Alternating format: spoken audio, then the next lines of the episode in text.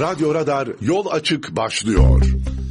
Efendim 91.8 Radyo Radar'dan hepinize günaydınlar. Ilık bir Kayseri sabahı desek herhalde çok da zorlamaz kendimizi. Böyle o ayazlı günlerden sonra birazcık kendimize geldik ama dünya genelinden haberler gelen haberlerden sonra da geceden bu tarafa da buz gibi kesen bir dünya gündemiyle size merhaba diyoruz ne yazık ki. Hoş geldiniz. Gün boyunca gün içerisinde bunun değerlendirmesini yapacağız. Saat 9'a kadar da yola çıktı sizlerle bunu paylaşacağız.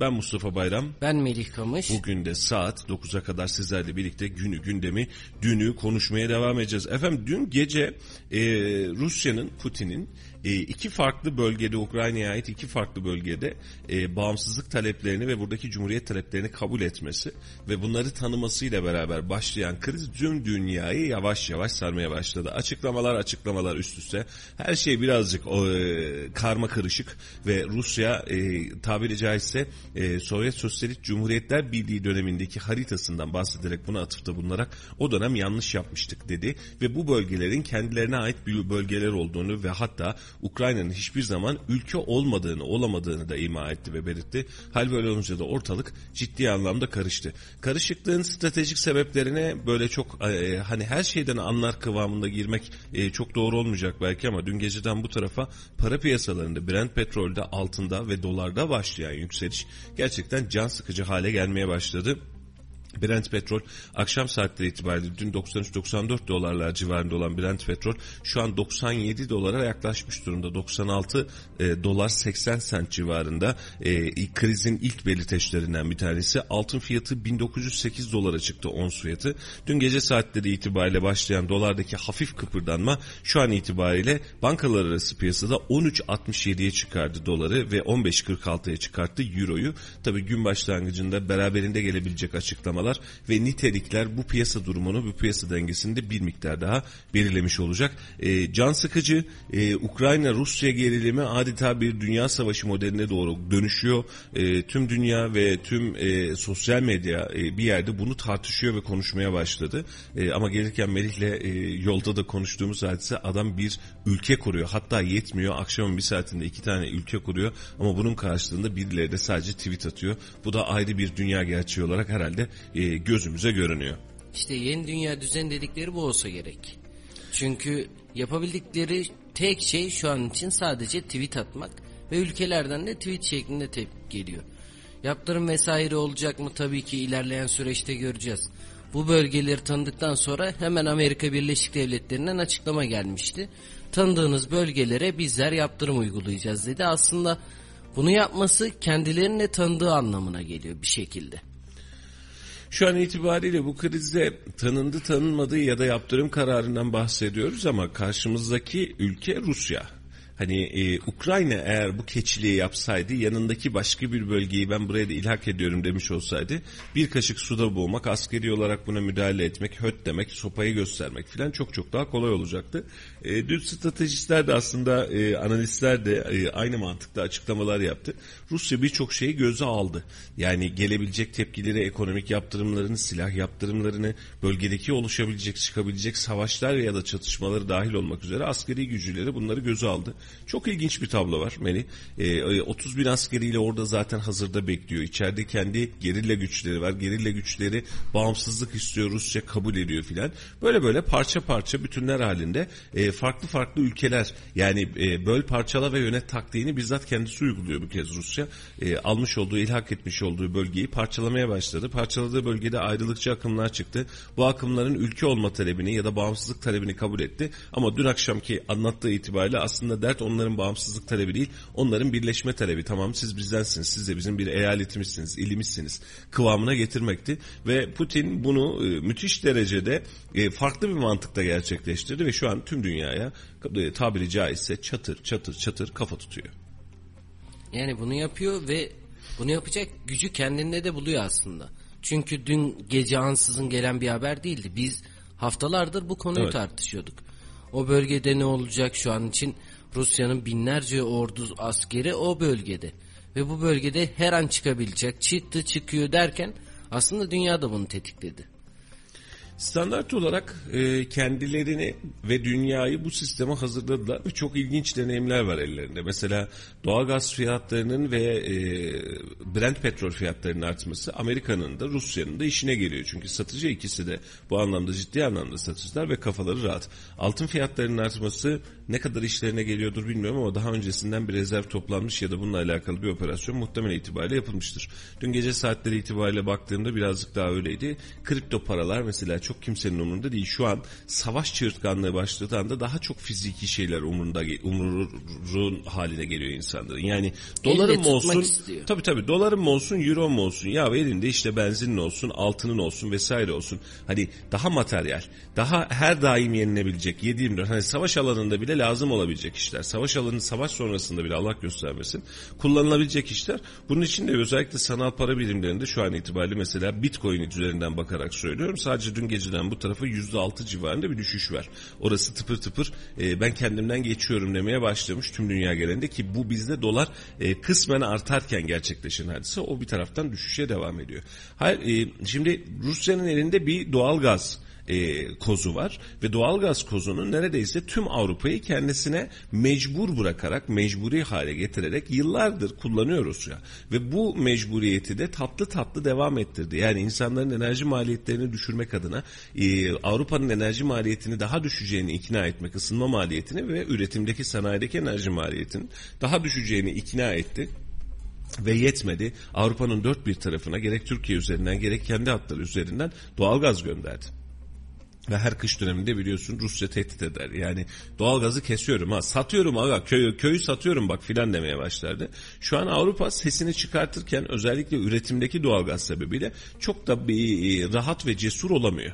Çünkü ağzımızı açtığımız anda işte gördük bir İran'la yaşanan problem gibi gösterildi. Bir doğalgaz krizi yaşadık. Üretimimizin 3 gün durmasının bize nelere mal olduğunu, içerideki tepkide neye mal olduğunu biz kendi içimizde gördük. Bunu Almanya için düşünsene mesela. Yani aa üretim durmuş, fabrikalar tatil edilmiş. Biz burada hadi yani biz Türkiye'yiz ya bir şekilde gözümüzü iyi kötü kapatabiliyoruz ama bu tarz ülkelerde bu durum böyle olmayacak ve onlar için de çok sancılı günler geliyor. Ee, beraberinde askeri olarak ben size müdahale ederim demekten zorlanıyorlar. Mesela NATO diye bir güç var. Ee, Ukrayna'yı NATO'ya davet etme ve NATO'ya dahil etmek sebebiyle çıktı aslında bu kadar tantana ve e, yaşananlara rağmen bunun öncesinde bunun sonrasında Ukrayna NATO'ya dahil edilmedi. Yani Avrupa evet yekün olarak baktığınızda Amerika ile beraber bir güç mü? Evet bir güç ama toplu hareket edebilen, toplu olarak reaksiyon verebilen, hızla e, akış üretebilen bir güç değil. Tek kanatlı ya da tek kafalı bir güç değil. Çoklu bir demokrasi sistem var. E, meşhur laf var ya hani e, şey düşünene kadar, akıllı düşünene kadar deli köprüyü geçermiş diye. Şu an yaşadığımız hadise de aynen bu. Yani Rusya ben gereğini yaptım, yapıyorum diyor. Sen benim için tehditsin, ben bunlara döneceğim. Burada yanlışlıklar var diyor. Kendisi içinde eski tarihsel döneme dönerek legal haklar oluşturuyor. Zaten bu topraklar benim de hakkım hakkını oluşturuyor uluslararası hukuk açısından. Kendince en azından bir savunma stratejisi. Dün gece e, Birleşmiş Milletler acil gündemle toplanıyor. E, Cumhurbaşkanımız hep söylerdi de insanlara birazcık şaka gibi geliyordu. Evet e, o sözün doğru zamanı bu. E, Rusya'nın yaptığı şeyle alakalı dünya bir tepki veremiyor. Neden? Çünkü dünya beşten büyük değil. Rusya'nın veto hakkı var. Birleşmiş Milletler sabah akşam oturuyor konuşuyor ama elimize geçen sonuç var mı? Hayır. Daimi üye olduğu için ve veto hakkı olan o beş ülkeden bir tanesi olduğu için Rusya'da e, Birleşmiş Milletler'in çıkıp da herhangi bir kınama, yaptırım vesaire alma kararı çıkmıyor. Elimize ne kaldı? E, her ülke kendi içerisinde ya da e, Avrupa Birliği ya da NATO üzerinden bir tepki verme hakkı kaldı. Biz bu tepkiyi verene kadar da muhtemelen Ukrayna tamamıyla e, kapatılmış ya da alınmış hale gelebilecek. Bununla ilgili e, Donetsk ve Luhansk'taki bölgelerin tanınmasının ardından bölgeye asker gönderilmişti ve Türkiye de bu konuda ne yapacak? Rusya'nın yanında mı olacak yoksa Ukrayna'yı mı destekleyecek? Bu da merak edilen bir açıklamaydı. Biz uzun dönemdir Ukrayna'yı destekliyoruz aslında. Evet. Dün gece de bir açıklama yaptık. E, tanımıyoruz dedik. Bu, bu, bu bölgeleri tarafından. tanımıyoruz dedik. E, şu an Twitter gündeminde de bu ciddi anlamda var. Mesela Azerbaycan'da Aliyev'de e, bugün ya da yarın herhalde tam olarak bilmiyorum. E, müttefik olmak adına bir anlaşma imzalamak adına Moskova'ya gidiyor. Şimdi Azerbaycan da Rusya ile müttefiklik anlaşması sağlıyor. Biz beraberinde yarın bir gün eğer e, şeyle kötü olacak olursak, Rusya ile kötü olacak olursak karşımıza nasıl bir tablo çıkar hiçbirimizin fikri yok. Çünkü çoklu noktada bir işbirliğimiz ve istişaremiz var. E, beraber hareket ettiğimiz noktalar var. E, tam anlamıyla dahiyane bir dış politikaya, dahiyane bir stratejiye ihtiyacımız var. Bu bir, bir daha iki kesin.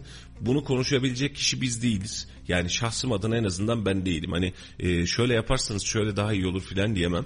Ama strateji olarak gerçekten derin bir strateji oluşturmak bu işten e, minimum zararla mümkünse maksimum faydayla çıkabilecek bir devlet stratejisine geçmek lazım. Fevri hareketleri oluşturmak, asardık keserdik biz güçlük aslında filan demek ya da tek taraflı tek kutuplu bir dünya düzeninin hala alışılagelmiş sürecini e, kabul ediyor olmak bile bence ciddi anlamda risk. Tam bir kumar masasına döndü iş. Bir tarafta olursan başka tarafı, başka tarafta olursan başka tarafı kaybetmiş olacaksın. E, ama ülkenin e, geçtiğimiz 15-20 yıldaki, 30 yıldaki hatta tavrını itibariyle şöyle söyleyebileceğim. E, yaklaşan bir kriz varsa, etrafımızda bir savaş varsa biz bırakın tarafsız kalmayı e, hoppadanak ortasına atlayabiliyoruz. Biz buradan bir koyup üç alacağız diyebiliyoruz. Yıllara sahip bunu yaşadık. Bu sefer de bunu yaşayacağımızdan korkuyorum. Hani bir koyup üç alacağız. Bundan biz menfaatli çıkacağız hengamesiyle bizim ortaya çıkacağımızdan da korkuyorum ama önümüzdeki süreci hep beraber göreceğiz. Ee, Rusya çıkartır mı savaş çıkartmaz mı bu iş olur mu olmaz mı sadece gösterim şov mu derken Rusya bir adım daha attı. Her geçen gün bir adım daha atıyor ve dünya önümüzdeki günlerde daha gergin, e, daha can sıkıcı, e, daha ya bir yaşamadığımız bu da kalmıştı diyebileceğimiz günlere doğru zannedersem gidiyor Melih'ciğim. Şimdi bu güzel ama Hangisi ben köyde yaşayan Hangisi güzel? konuştuklarımız Peki. güzel. Yani ben köyde yaşayan bir melih, melihim. Ben diyorum ki ya burada savaş çıkmış tamam olabilir. Konuşuyorsunuz konuşuyorsunuz da niye konuşuyorsunuz? Bu savaş bizim için bu ülkede yaşayan bir insan için niye bu kadar önemli? Savaş dibimizdeyse daha doğrusu dünyanın herhangi bir yerindeki büyük savaş da bizim için önemli ama, ama savaş dibimizde ve biz bu savaşın bir parçasıyız. Rusya'nın en büyük tepkisi NATO'ya. NATO kim? Bizim de üyesi olduğumuz en büyük askeri gücünü oluşturduğumuz kısım. Biz NATO'dayız. Yani şu an NATO'yu saymıyoruz, kabul etmiyoruz dediğinde e, ya da NATO'nun içerisinde olmak istemiyoruz dediğinizde birçok algıya, birçok saldırıya karşı açık haldesiniz. NATO bize ne kadar fayda sağladı ayrı hadise. Biz bugüne kadar bir faydasını görmedik NATO'nun. Ama bugün itibariyle bundan sonraki süreç itibariyle NATO'dan da çıkıyoruz demek Rusya'ya karşı neredeyse çıplak kalmak anlamına geliyor. Geçti konu NATO'dan çıkıyorum demek NATO'nun kendisine karşı da çıplak kalmak anlamına geliyor. Yunanistan NATO üyesi. Siz değilsiniz. Düşünsenize 12 adalarda adalar tavrında vesairede zaten keskin olan hatların ne hale gelebileceğini, kimlerin söz sahibi olabileceğini, İtalya'nın, Fransa'nın, İngiltere'nin, Amerika'nın Ege'nizde burnunuzun dibinde bir şey bulundurup bulundurmayacağını. Yani NATO'ya stratejik olarak biz mecburuz. Şimdi köylü Melih kardeşim için söyleyelim. Hani ben köydeyim ya bana göre ne dediğinizde enerji fiyatlarınız değişecek. Doğalgaz tüketiminiz değişecek. Yarın bir gün eğer bu didişme devam edecek olursa belki siz evinizde ya da sanayinizde kullanılacak doğalgazı bulamayacaksınız. Kim gibi? Avrupa gibi. Biz bu standartın çok dışına çıkmayacağız. Beraberinde e, Suriye'de yaşanan çatışmalar ve savaşlar neticesinde, ya- yaşadığımız süreç neticesinde buradaki varlığımızı devam ettirmekte zorlanacağız. Burası bizim için başka bir çıkmaz olacak. Rusya çok yoğun ticaret yaptığımız, mal aldığımız, mal gönderdiğimiz yani hem alıyoruz hem gönderiyoruz. İkili ticaretimiz var. Bu anlamda çok yoğun bir bölge. Ulaştığımız bazı mamullerin fiyatının iki katına çıktığını ya da bazı mamullere ulaşamadığımızı görebiliriz. Çünkü biz dışa bağımlı bir ülkeyiz birçok anlamda. Rusya ile savaşmak ya da Ukrayna ile savaşmak, bir taraf olmak bizim için çok şey getirebilir ve götürebilir. Dahası Rusya ile alakalı bu süreçte siz boğazları Rusya'nın e, Ukrayna'ya çıkartımını kullanmak için donanma e, gücünü e, dünyanın ve NATO'nun kullanması için boğazları kullandırtırsınız ya da kullandırtmazsınız. Hangi tarafta olduğunuz ve buradaki çıkabilecek gerilim sizin boğazlarınız açısından ve sizin stratejiniz açısından önemli. Dahası Zannedersem Twitter gündeminde de vardı. E, Putin'in bahsetmiş olduğu kendi o e, sınırlar içerisinde kendince bir Kars bölgesi de var. Yani Türkiye sınırlarına da bir şekilde müdahale oluyor. Neresinden bakarsanız bakın bu kriz bize uzak bir kriz değil. Çok yakınımızda bir kriz. Hani mesela İngiltere'yi ilgilendirdiğinden daha fazla bizi ilgilendiriyor. Amerika'yı ilgilendirdiğinden daha fazla bizi ilgilendiriyor dibimizde. E, hemen e, ülkemizin neredeyse e, üçte birini kapatan bir Karadeniz kıyımız var ve Karadeniz kıyımızda bu ülkeler komşularımız, deniz komşularımız.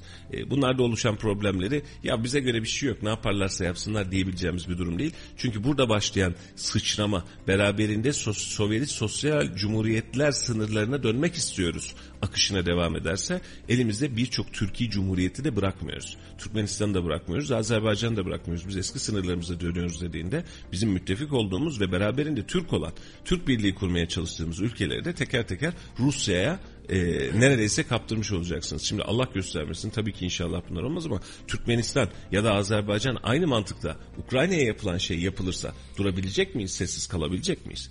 Ve bu savaş bize çok uzak değil hemen dibimizde kulağımızın yanı başında bir şeyler patlıyor. Ve oradaki Melik kardeşim de e, ektiğinde, diktiğinde, biçtiğinde, hareket ettiğinde, nefes aldığında, maaşında, ekonomisinde, her şeyiyle bu sürecin tam olarak göbeğinde. Yani biz bunu kendimize uzak ya da bizle alakası yok diyebileceğimiz bir noktada değiliz. Yani bunu iliklerimize kadar da hissedeceğiz bu saatten sonra mecburen hissedeceğiz gibi görünüyor. Aslında hatırlıyorsun biz bunu konuşmuştuk. E, bu kriz başladığı dönemde de bizim e, kur garantili e, hesap açtığımız dönemde de bir eleştiri olarak sunmuştuk. Ben hala aynı eleştirinin arkasındayım. Burası Türkiye e, kendi içinizde dinamikleri ne kadar sıkı tutarsanız tutun dışarıda patlayan bir şey sizi etkiliyor. Bugüne kadar da etkiledi. Olası sonuçlar da etkiledi. Irak etkiledi, İran etkiledi, Suriye etkiledi. Bugün Rusya etkileyecek, Ukrayna etkileyecek, Yunanistan etkileyecek, Kıbrıs etkileyecek, Libya etkileyecek. Biz bu, bu süreçlerden çok rahat, hızlı bir şekilde nem ve rüzgar alabiliyoruz. Biz bunları konuşmuştuk. Bak biz böyle bir ülkeyiz. Bundan dolayı da bizim kur politikamızı, para politikalarımızı çok sabitmiş gibi davranma şansımız yok. Ciddi zararlar edebiliriz diye. İnşallah görmeyiz. Hani temennimiz bu değil Allah göstermesin. Ama şu an dünkü hareket ve hareketlilik de onu gösteriyor. E, şu an hiçbir şeyin garantisi yok parayla alakalı, ekonomiyle alakalı, duruşunuzla alakalı dahi hiçbir şeyin garantisi yok. Yarın bir gün örnek olarak veriyorum altını 2000 liradan, e, doları 20 liradan alabilirsiniz ya da tam tersi doları 5 liradan, e, altını da 500 liradan alabilirsiniz. Arası yok bunun. Yani tamamen kırılıma açık e, ama yükselme eğilimi daha yüksek olan ki çünkü para şeyi sevmez, gerginliği sevmez ve kaçar. Kaçınca da yükselir, yokluğu çekilir. Bundan kaynaklı yükselme eğilimin daha fazla olduğu bir süreç yaşayacağız görünüyor. Evet gece boyunca Ukrayna Cumhurbaşkanı'nın da telefon görüşmeleri bitmedi bu konuda. Tüm ülke liderleriyle özellikle yani kendisine yakın hissettiği dostlarıyla telefon görüşmeleri de gerçekleştirdi. Bu anlamda destek mesajları da geliyor. Hı hı. Dün e, Birleşmiş Milletler Güvenlik Konseyi toplandıktan sonra açıklamalar var. Tabi Amerika'nın açıklaması vardı. Amerika'nın açıklamasının ardından bir de Kenya'nın vardı. Kenya'nın Kenya'nın enteresan bir çıkışı vardı evet gece. Evet, bunu değerlendirebilir miyiz? E, Valla Birleşmiş Milletler içi boşalmış, boşaltılmış bu tür süreçlerde tam anlamıyla muğlak bir kurum. Birleşmiş Milletler tüm dünyadaki ülkelerin bir araya geldiği ortak kararlar almaya çalıştı. Birleşmiş Milletler zirveleri yaptı. İşte doğa için, savaş için, insan için, insan sağlığı için bir şeyler hareketlendirdi yer.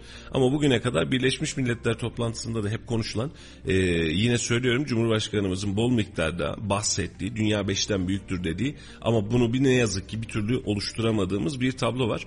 E, bu beşli e, birleşik grup istediği anda veto edebiliyor, istediği anda kabul edebiliyor. Yani Rusya'ya rağmen sizin Birleşmiş Milletler'den bir şey yapma şansınız yok. Dün dediğin gibi e, ülkelerin çıkışı var bir de oradan Kenya'nın çıkışı var. Sana ne oluyor diyememişler ama herkes şaşırmış yani. Bu adam niye bu kadar sert çıkıyor ne oluyor hayırdır inşallah filan diye.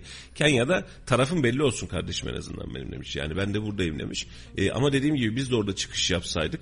E, 25 sayfalık manifesto yayınlasaydık. Küfür etseydik hatta kürsüden filan çok bir anlam olmayacaktı. Şu an itibariyle Rusya Birleşmiş Milletler'den çıkacak kararı veto ediyorum dediği anda bir geçerliliği yok. Yani bir şey tutturamıyorsunuz. E, dünyanın ülkelerin herhangi bir nüfusa delege yapısına göre çoğunluğuna göre de bir hareket tarzı yok. Bunun için de oradaki çıkabilecek her türlü karar şu dakika itibariyle dünyanın faydasına değil ya da dünyaya bir şey getirmeyecek. Sadece bomboş bir kulis oldu. Yani ha biz burada oturmuşuz kınamış, kınama çıkartmışız. Ha da şu an itibariyle Birleşmiş Milletler'de Rusya'ya karşı bir kınama çıkartmışız. Hukuki bir dayanağı ya da aksiyonel bir tavrı ne yazık ki yok.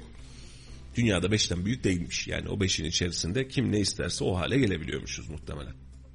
Yani bu saatten sonra tabii ne olacak onu da iyi izlemek gerekiyor. Çünkü bir savaş sinyali var. Daha tam anlamıyla işgal olmadı ve savaş tam anlamıyla başladı diyemeyiz ama bu saatten sonra gelecek gelişmeler çok önemli. O yüzden sadece yapabildiğimiz tek şey izlemek, görmek. Yap başka yapacak da bir şey yok açıkçası. Şu dakika itibariyle Melih'ciğim e, bu gerginliğin daha önce de söylemiştim. Kısa vadede biteceğini beklemek hayalcilik olur. Yani 3 ila 6 ay arasında minimum aksiyonun olacağı ya da olmasının bekleneceği bir tabloya giriyoruz. Aksiyon başlarsa Allah göstermesin hani tabii bunları konuşmayacağız ama bu gerginlik hali bile karşılıklı açıklama hali yaptırım hali bile çok kısa vadede geçebilecek bir hengame değil. Çünkü dünya eskisi eskiden olduğu gibi çok hızlı hareket edemiyor. Savaşın birçok unsuru var. Ekonomik unsurları var, silah unsurları var, stratejik unsurları var, siber tarafları var. Bunların tamamını birleştirdiğiniz zaman savaş dediğiniz olgu böyle bir anda ya karar verdik hadi gidiyoruz kılıçları kuşanın biz yarın sefere çıkıyoruz olmuyor. Hani biz eski tarihimizden de biliriz bunu savaşa çıkmadan önce hazırlıklar yapılır filan filan diye. Rusya bu hazırlıkları kendi bölgesi için yapmış. Coğrafi olarak da çok yakın olduğu bir yer. Ama Ukrayna'yı koruyabilecek güçler eğer NATO güçleri ise NATO güçleri şu an bu alanda değil. Gitmesi bir zaman, lojistik anlamında lojistiğin sağlanması, bu, bu işin stratejinin kullanılması bir zaman şu ana kadar konuşuldu mu ya da iç kulislerde konuşuldu mu bunu hiçbir kimse bilmiyor. Dünya da bilmiyor. Ee, ama mesela NATO ülkeleri bu işin neresinde? Türkiye dahil olacak mı? Almanya dahil olacak mı? Fransa dahil olacak mı? Ee, çok sert açıklamalar var Fransa'dan ama Almanya'dan da bir adım ileri bir adım geriler var. Çünkü mecburiyetler var Rusya ile alakalı. Yani dirsek temasları var. Biz kabul ediyoruz tamam ne derseniz diyebilecek durumda değiller ama saldırabilecek durumda da değiller. İkisinin arasında. İyi polis kötü polis. Bugün Türkiye içinde bak aynısını Veli. E, konuştuk ettik elledik tamam biz de Rusya'ya kafa tuttuk. Ulan var ya geliyoruz oraya höt höt filan dedik. Ticari ilişkilerimizi kesiyoruz filan dedik. Hadi kesin. Kesemezsiniz ki. O adam doğalgazını keserse meleriz. Yani canımız yanar. Yalan yok. Ciddi anlamda sıkıntı yaşarız. Tamam kış bitiyor ev kullanıcısı birazcık bu anlamda rahat ama sanayi ama üretim ama enerji fiyatları bir bunları hesap etsenize. Doğalgazlı doğalgazlı bir sürü tesis kurduk. Yıllarca inadına inadına tek kaynağı Rusça olan doğalgazın daha doğrusu ana kaynağı Rusça olan doğalgaza rağmen biz doğalgazlı üretim ve enerji üretim tesisleri kurduk. Elektrik üretimimizin bile büyük bir kısmını doğalgazdan üretilen elektriğe çevirdik. Ve bunu sadece biz yapmadık tüm Avrupa yaptı. Şu an itibariyle Rusya ne derse bir miktarda biz kabul etmek zorunda kalıyoruz. Bunun için e, oradaki mücadele edebilecek ülkelerin buna Türkiye'de dahil olmak üzere duruşları önemli ve bu duruşlar her biri ayrı ayrı tedirginlik getiriyor. Yani Amerika şunu söyleyebilir. Ya sıkmayın kardeşim parası neyse veririm. Dolar basar veririm size diyebilir. Ama parası neyse veremeyeceği şeyler var. Mesela enerji. Hani bunun bir karşılığı yok ki bu yani bunun parayla karşılanabilecek durum yok. Üretim durduğu anda senin gücünün yetebileceği ya da tüm dünyanın gücünün yetebileceği hadise olmaktan fazlasıyla çıkıyor. Evet. Göreceğiz dediğimiz gibi bakalım bu saatten sonra ne olacak. Ülke gündemine de dönelim istiyorum. Dün hem Kayseri'de hem de ülkede neler oldu? Öncelikle Tarım ve Orman Bakanı Bekir Pakdemirli'nin COVID-19 testi pozitif çıktı. Aynı zamanda AK Parti Genel Başkan Yardımcısı Numan Kurtulmuş'un da e, koronavirüs testi pozitif çıktı. Buradan kendilerine geçmiş olsun dileklerimizi iletelim. Geçmiş olsun. Covid olmayan kalmasın aramızda. Bitireceğiz artık bu işi. Onun için herkes Covid'ini olsun kenara çekilsin. Bir daha bir daha uğraşmayalım bu işlerle. Geçmiş olsun efendim. Evet. Böyle savaş vesaire dediğimiz zaman ilk akla gelen Selçuk Bayraktar oluyor. Selçuk Bayraktar'ın da bir açıklaması vardı. Türkiye İHA'lar konusunda dışa bağımlılıktan kurtuldu. Türkiye'nin insansız hava araçları dünyanın en iyisi ifadelerini kullandı. Ee, kendimize çok gaz vermeyelim. İHA'lar konusunda Selçuk Bey'i her daim övdük, övmeye de devam edeceğiz. Müthiş işler başardı. Ve İHA'lar konusunda gerçekten çok çok iyiyiz. Yani hani bak iyiyiz filan demiyorum. Gerçekten dünya standartlarına göre çok çok iyiyiz. Ama İHA'lar bir savaşı kazanabilecek ya da bir savaşı tek başına götürebilecek güç ve yük değil. Hani e, bunu kendimize mihenk yapmayalım. Yani e, öküz olmadan göpe şey yapma diye bir meşhur bir laf vardır. Şimdi e, İHA'larımızın olması birçok anlamda bizim için pozitif etki. Terörle mücadele anlamında, gerilla savaşları anlamında bizim için pozitif etki Meriç'im. Bunu hiç kimse yatsıyamaz, inkar edemez. Ama e, hava savunma sisteminiz mesela sizin S-400. Başka hava savunma sisteminiz yok. S-400 kimin? Rusya'nın. Rusya'ya karşı kullanabilecek misiniz S-400'ü? Muğlak. Peki bunun karşılığında e, Rusların olası savaş, taarruz vesaire e, kullanımı konusunda ne kadar etkin var? Yani düşünsene oradan füzeye gönderdi İHA mı kaldıralım? Oradan uçağı kaldırdı İHA ile mi muharip güç yapalım? Yani burada sıkıntılarımız var ve yine söylüyorum Selçuk Bey'e yaptığı işle alakalı tebriklerimi her daim sunarım. Yani müthiş bir yetenek, müthiş bir zeka. Ee, ülkeye çok şey katmıştır bu anlamda. Ülkenin son 5 yılında e, rahmetli babasıyla beraber sağ olsunlar. Hani e, milli sanayi ve milli silah sanayini geliştirmek adına çok önemli işler yaptılar. Diğer unsurlarımızda Roketsan'la vesairesi Asel, Aselsan'la beraber. Ama yine söyleyelim yani bu sadece bizim İHA'larımız varla bitebilecek bir savaş değil. Çünkü karşımızdaki ayağında terlikle yola çıkan Ermenistan ordusu değil. Arada fark var. Şimdi orada Ermenistan'la alakalı bu hadisemiz vardı. Yani hatırlıyorsun değil mi? Cumhurbaşkanının arkasındaki ayağındaki terlikli terlikse arkadaşı. Yani karşınızdaki Rus ordusu. E, bunu da düşünürken böyle bizim İHA'mız var, SİHA'mız var. E, bunu vatandaş için de söylüyorum. Bu çok güvenebileceğimiz bir hadise değil. Şu an askeri olarak da Rusya'ya tek başımıza kafa tutabilecek bir halde filan değiliz. Savaşırız, savunuruz ayrı bir hadise. Canımızı veririz ayrı bir hadise ama bu savaşın bir parçası haline getirmek kendimizi bizim e, gerçekten savaş çıkacaksa bizim hiç işimize gelmeyecek noktalardan bir tanesi olur Melih'ciğim.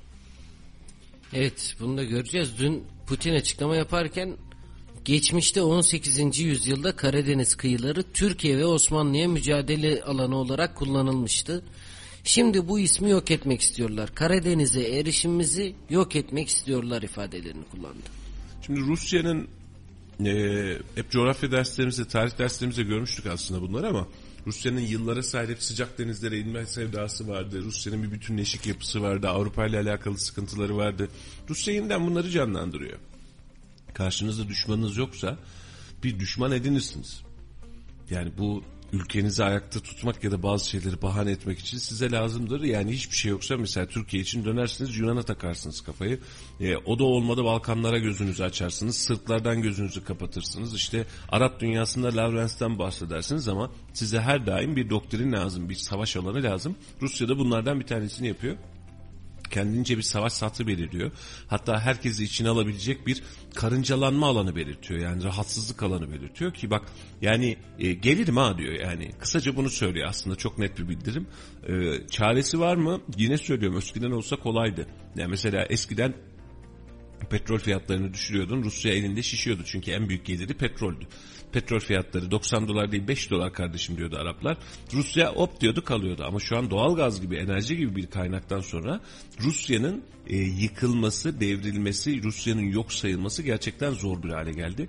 Dünyanın Rusya etkisinden ya da Rusya bağımlılığından kurtulabilmesi için tüm altyapıyı, tüm sanayi sistemlerini değiştirmesi, çok ciddi bedel ödemesi ve hatta bununla beraber de 4-5 yıllık minimum bir sürece ihtiyacı var. Bu bizim için de geçerli. Düşünsen doğal gazsız bir Türkiye düşün. Biz daha yeni hani Pınarbaşı'na sarı olana filan doğalgaz hattı için onay veriyoruz ya. Bunu hep söyledik yani daha önce de söyledik. Bu e, yapılsın ama çok akıllıca bir şey gibi gitmiyor idi. Ve şu an itibariyle yani doğalgazsız bir sanayi, doğalgazsız bir ekonomi düşünebilecekseniz Rusya'ya kafa tutmanız bir miktar olası. Ama bunu yapamıyorsanız Avrupa'yı arkanıza alamazsınız, Türkiye'yi arkanıza alamazsınız. Temel bir birlikteliğimizde sancı var. E, tüm dünya şu an dese ki ben doğalgaz kullanmıyorum, Rusya'dan da doğalgaz kullanmıyorum dese Rusya tepe taklak olur mu? Olur. Bunu diyebilecek karşımızda bir dünya var mı?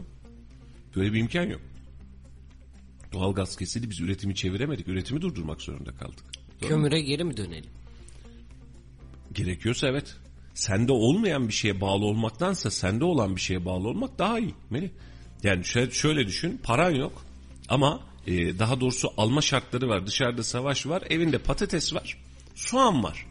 E sen şimdi patates soğan almak yerine ya da örnek olarak veriyorum ya da öyle gidelim. Patates soğan almak yerine marketteki pirince ulaşmaya çalışmak senin için bir intihar. Ve cebinde zaten para yok. Parayla çıkartmaya çalışacaksın ve o pirinci satan da senden her şeyi istiyor. Pirinci veririm ama diyor. Pirinci gönderirim ama diyor. Bak işine geliyorsan filan diyor. Ya evdeki patates soğan ondan daha iyi. Ya biraz belki e, e, dengesiz besleneceğiz birazcık belki havamız kirlenecek filan ama patates soğan ondan daha iyi. Dışarıdaki insandan Çünkü dışarıdaki... elimizde var. Aynen öyle. Yani eldeki veriyle gidemediğimiz zaman bu Avrupa için de geçerli, Türkiye için de geçerli. Eldeki veriyle hareket edemediğiniz zaman bak bu, bu tür durumlarda hop kesiyorum ha satıyorum bak köyü filan derler kalırsınız ortada. Çünkü sizin tüm mali ekonomik yapınız şu an doğal gaz endeksli gidiyor. Üretiminizde var, elektriğinizde var, ısınmanızda var. Doğalgazın olmadığı bir düzeni düşünsenize. Çok da baş etme şansınız kalmıyor Melih'ciğim. Yani sadece bununla ilgili değil, elimizde olan malzemeler belli. Bir de karşımızdaki baktığımız zaman Rusya. Evet biz ne kadar komşu ülke diye ağırlığını hissedemiyor olsak da dünya genelinde çok büyük ağırlığı olan Amerika'ya kafa tutabilen yıllardan beri de Yok soğuk yok bizde de çok ağırlığı var. Uçağını düşürdüğümüze bakma. Gaza geldik bir uçak uçak düşürdük de bizde de çok ağırlığı var. ya konuşulurken belki hissedilmiyor olabilir. Yani şöyle karşımıza Amerika çıktığı anda Amerika bizi sıkıştırmaya gittiğimiz anda diğer büyük abimiz hep Rusya oldu. Öyle ya da böyle. Yani onu arkamıza almayı, onu yanımızda hissetmeyi, onunla kurduğumuz dostlukları çok önemsedik. Yani böyle hiç olmayacak zamanlarda böyle Putin'le telefonla görüştü. Putin'i davet etti. Ankara'ya ziyaret, Moskova'ya ziyaret vesaire dedik. Biz aynısını Washington için de yaptık. Yani eski iki kutuplu dünya düzenini siz gençler çok fazla hatırlamazsınız belki ama Soğuk Savaş'ın olduğu yıllarda Rusya ve Amerika iki e, kutuptu. Ve dünya çok uzun dönem Soğuk Savaş zamanı yaşadı. Yani Rus ajanları, Amerikan ajanları, fin katmalar, başka ülkelerdeki taarruzlar mesela bizim 80 ihtilalimizin oluşma sebebi bile bu kutuplaşmanın başlangıcı yani bu kutuplaşmanın sürecidir, başlangıcıdır. Yunanistan'da hakeza aynısı olmuştur. İhtilaller yaşadık. Niçin yaşadık biz bunu? Komünizm mi gelecek acaba diyerek yaşadık doğru mu? Bir taraf faşizm bir taraf komünizm diyordu birbirine hatırlıyorsun. Yani insanlar karşılıklı olarak sistem kurma çabasındaydı. Aslında sistem kendilerine ait değildi. Mesela biz bir Türk ulusçuluk sisteminden bahsetmedik. Bir manevi sistemden bahsetmedik. Bir dini sistemden bir otorite bundan bahsetmedik. Türkiye'de bu tabloyu çok uzun yıllar yaşadı. Amerikancı mısın, Rusçu musun? Yani Amerikancılığın karşısındaki elimizdeki malzeme neydi? Tek kalan komünizmdi. Rus akımına sırt bağlamaktı.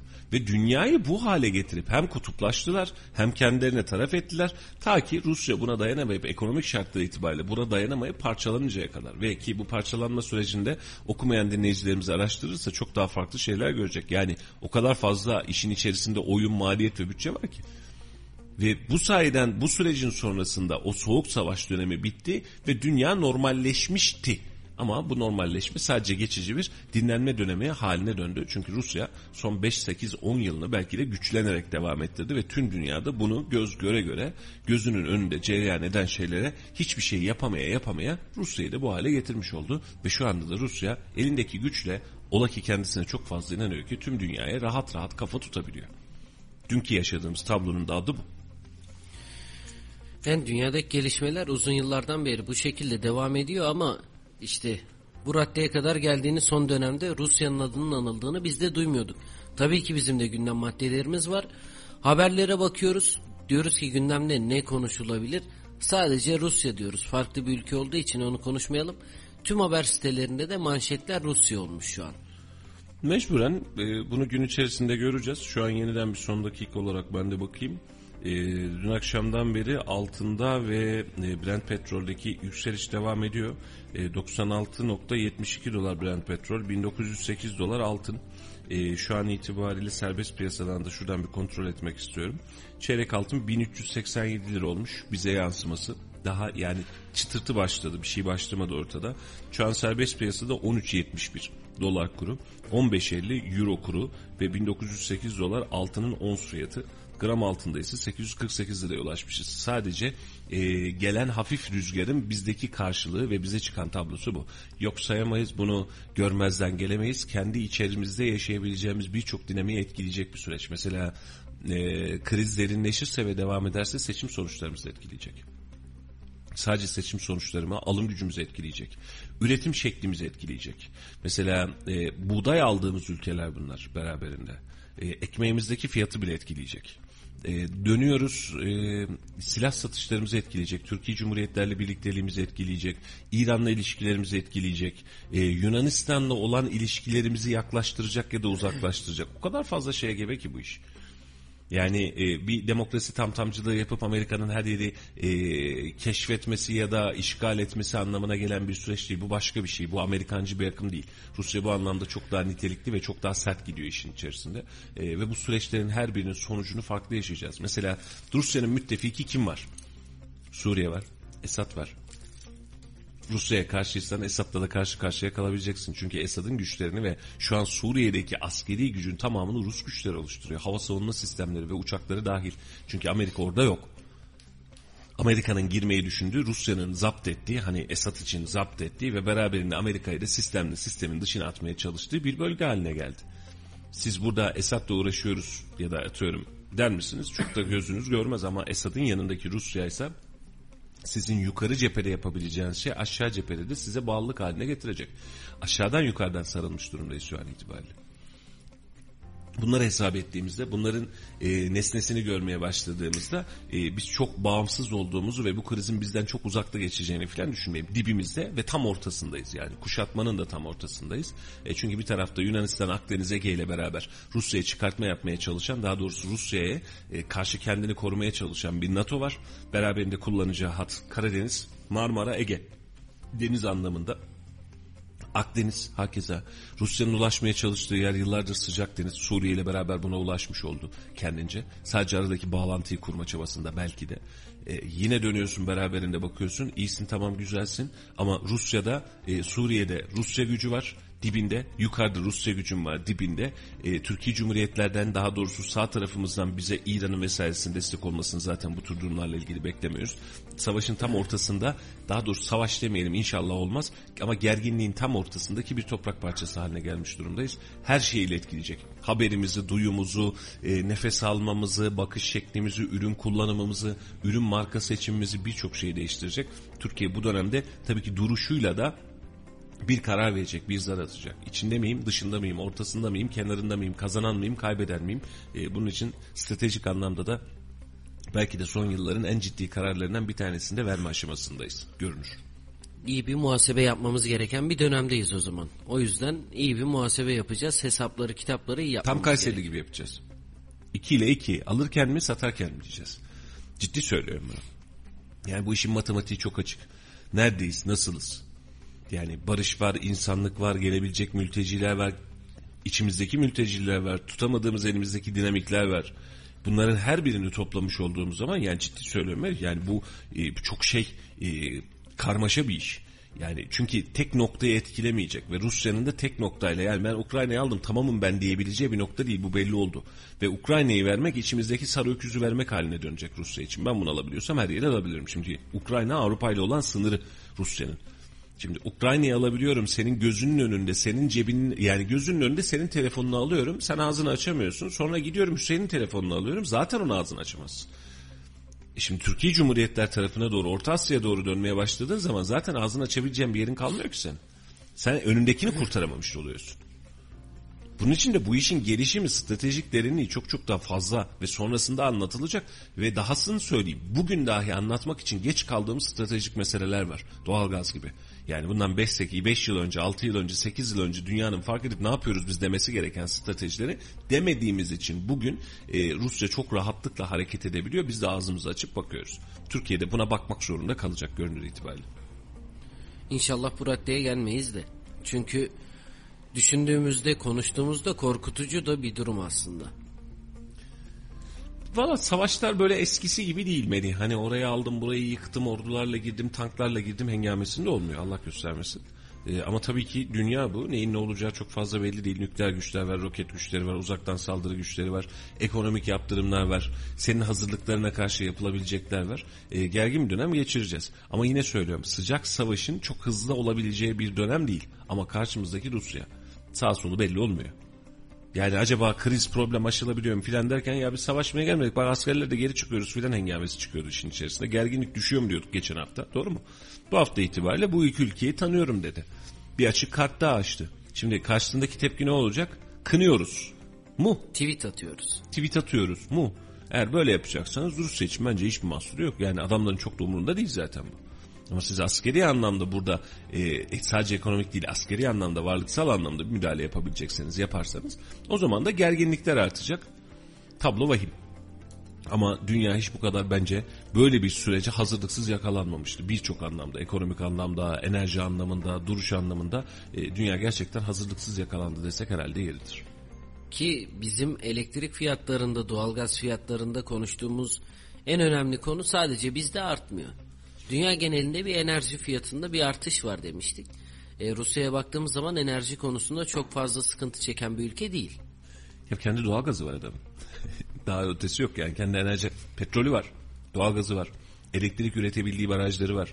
Askeri anlamda kendi uçağını üretebiliyor. Kendi füzesini, kendi savunma sanayisini üretebiliyor. Kaç tane ülke var böyle? Ağır sanayi olarak gelişmiş. Aynen öyle. Kendi uçağını üretiyor adam. Kendi füzesini üretiyor. Hatırlamıyorsunuz ama hatırlatayım. Rusya sınırsız menzili sahip füze ürettiğini açıklamıştı. Hatırlıyor musunuz?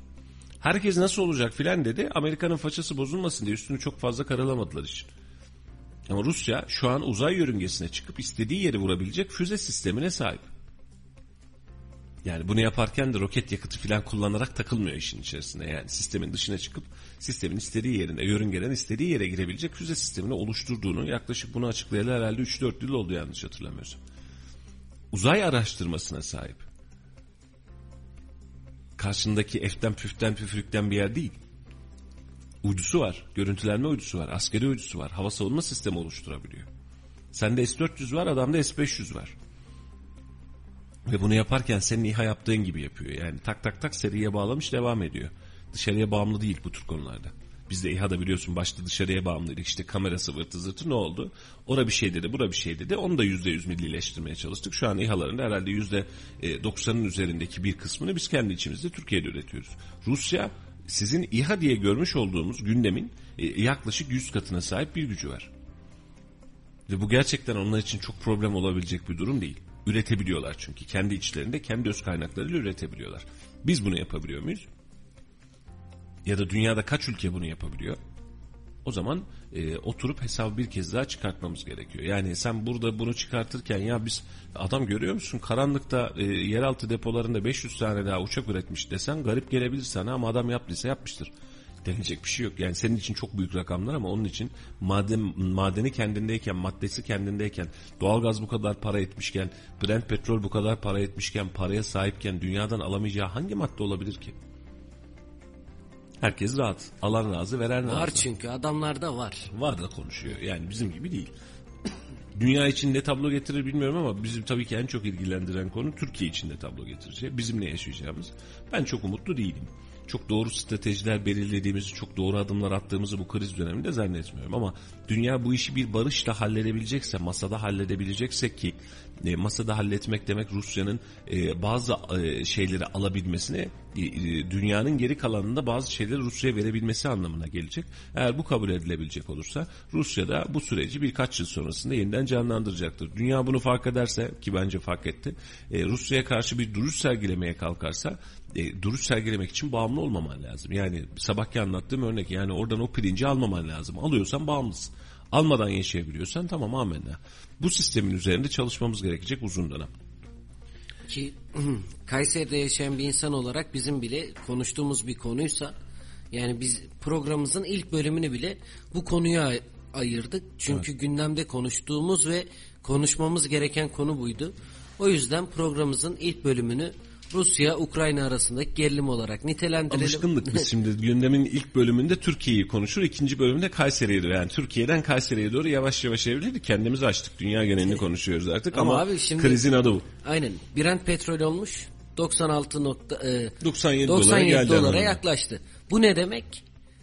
Az sonra yani gelecek günlerde bir petrole akaryakıta zam gelecek. Melih e, reklama girmeden şunu söyleyeyim.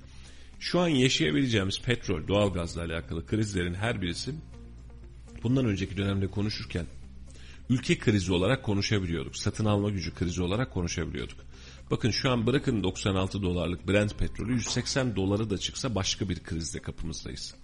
Egemenliğiniz ve bağımsızlığınız yoksa, özgürlüğünüz yoksa, e, özgür hareket edebilecek bir ülkeniz yoksa satın alma gücünüzün bir anlamı kalmıyor satın alma gücümüz bak çok önemli. Biz yıllardır, aylardır hep bunu savunduk doğru mu? Hani ne alabildiğimiz, neye ulaşabildiğimiz ama şöyle düşün. Bunu hep söylüyorduk. Bu örnekle gidelim. Cebimizde her birimizin milyon dolarlık paralar var. Kilo kilo altınlar var.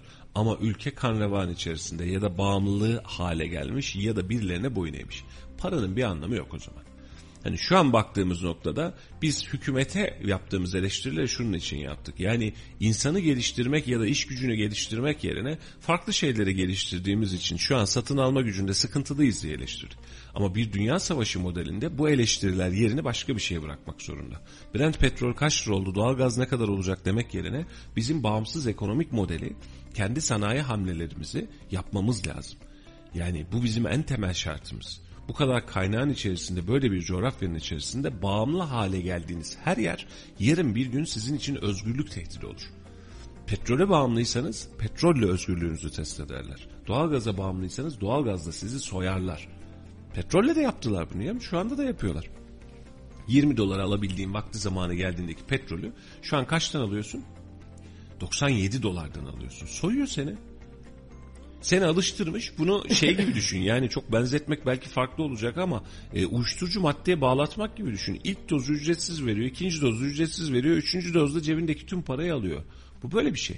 Tüm parayı da alırken seni öldürmüyor, süründürüyor. Çünkü ona lazımsın, müşteri olarak lazımsın. Şimdi biz kendi modelimizi, kendi sistemimizi oluşturacak bir düzeme geçmemiz lazım. Yoksa bu konuştuğumuz hadiseleri bizden sonraki nesiller de konuşacak. Aman burada savaş çıkmış, aman bu olmuş, aman rüzgar esmiş, sırtım mı e, acaba tutuldu filan diye biz bunu hep konuşmak zorunda kalacağız.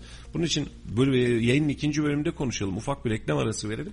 E, bizim ne yapmamız gerektiği ve ülkenin nereye gittiği ile alakalı başka bir perspektifte açalım. Şimdi ufak bir reklam arası yaklaşık iki buçuk dakika sonra yeniden sizlerleyiz. Bir yere ayrılmayın. Radyo Radar yol açık devam ediyor. Efendim kısa bir reklam arası verdik ve yeniden buradayız. Yeniden hepiniz hoş geldiniz. Sefalar getirdiniz. Radyo Radar'dasınız. Yol Açık programında ben Mustafa Bayram. Ben Melih Kamış. Son bir saatimizde yeniden gündemi değerlendirmeye devam edeceğiz. Aslında ülke gündeminden hazırlıklarımız vardı. Konuşacaklarımız yine sona doğru saklayacağız belki. Ee, ama Rusya gündemi, Rusya-Ukrayna gündemi tüm dünyayı kasıp kavuruyor. Şu an itibariyle piyasalarda ona özellikle bakıyorum. Bitcoin yatırımcısını üzecek hamleler var. Daha doğrusu e, Bitcoin demeyelim kripto blockchain, para. kripto para e, yatırımcısını üzecek hamleler var. %10'un üzerinde yer yer düşüşler var ve onların canını çok sıkacak muhtemelen önümüzdeki günlerde. E, çünkü e, yayının başında da söylemiştim. Tekrar etmek isterim. Şu an itibariyle dünyanın savaş ya da kıtlık ya da buna benzer işleri kullanırken geçerli malzemeleri elle tutulabilecek malzemeler. Bunun üzerindeki yoğunluk daha fazla devam edecek. Materyallerin, altının, doların, e, dövizin e, bir anlamda e, garantili daha ve daha e, fazla güvenilir ülkelerin garantili fonlarının e, daha fazla rağbet görebileceğini, daha fazla tutunacağını özellikle belirtmek isterim. E, savaş çığırtkanlığının devam etmesi hali beraberinde e, hepimiz için başka bir sıkıntıya sebep olabilir ve e, bu e, özellikle Bitcoin gibi e, yeni gelişmekte olan ve ortaya çıkartılmaya çalışılan e, evrenin, yeni dünya düzeninin sonu haline de gelebilir ya da yeni bir başlangıcı haline de gelebilir. E, bu süreci hep beraber göreceğiz. Ama bir abim vardı, onun meşhur bir lafı vardı e, kendi analiziyle. Dünya üzerinde para değişimleri e, her zaman e, sancılı ve savaşlı geçişlere sebep olmuş. Mesela altından e, kendi nakitinize doğru, kendi bastığınız paraya doğru dönerken yaşadığınız bir savaş var. Mesela e, dünyayı kasıp kavuran e, Afganistan'da vesaire vesaire kullandığımız mesela e, nakit paradan kredi kartına dönerken geçiştirdiğimiz bir nokta var.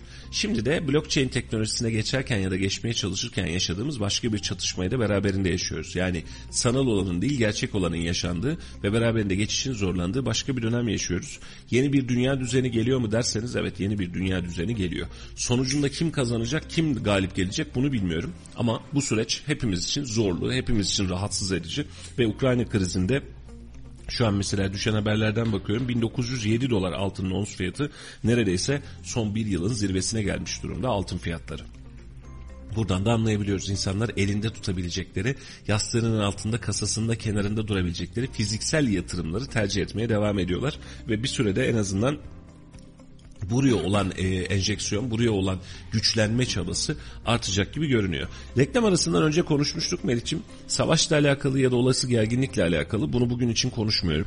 Bu gerginlik sonuçta sulhla da e, sonuçlanabilir. Hiç kan dökülmeden, hiç kurşun atılmadan da bitebilir. Aldık verdik, e, tamam biz bunu kabul ettik denilebilir. İki tarafta güçlerini masada, masada da bitirebilir.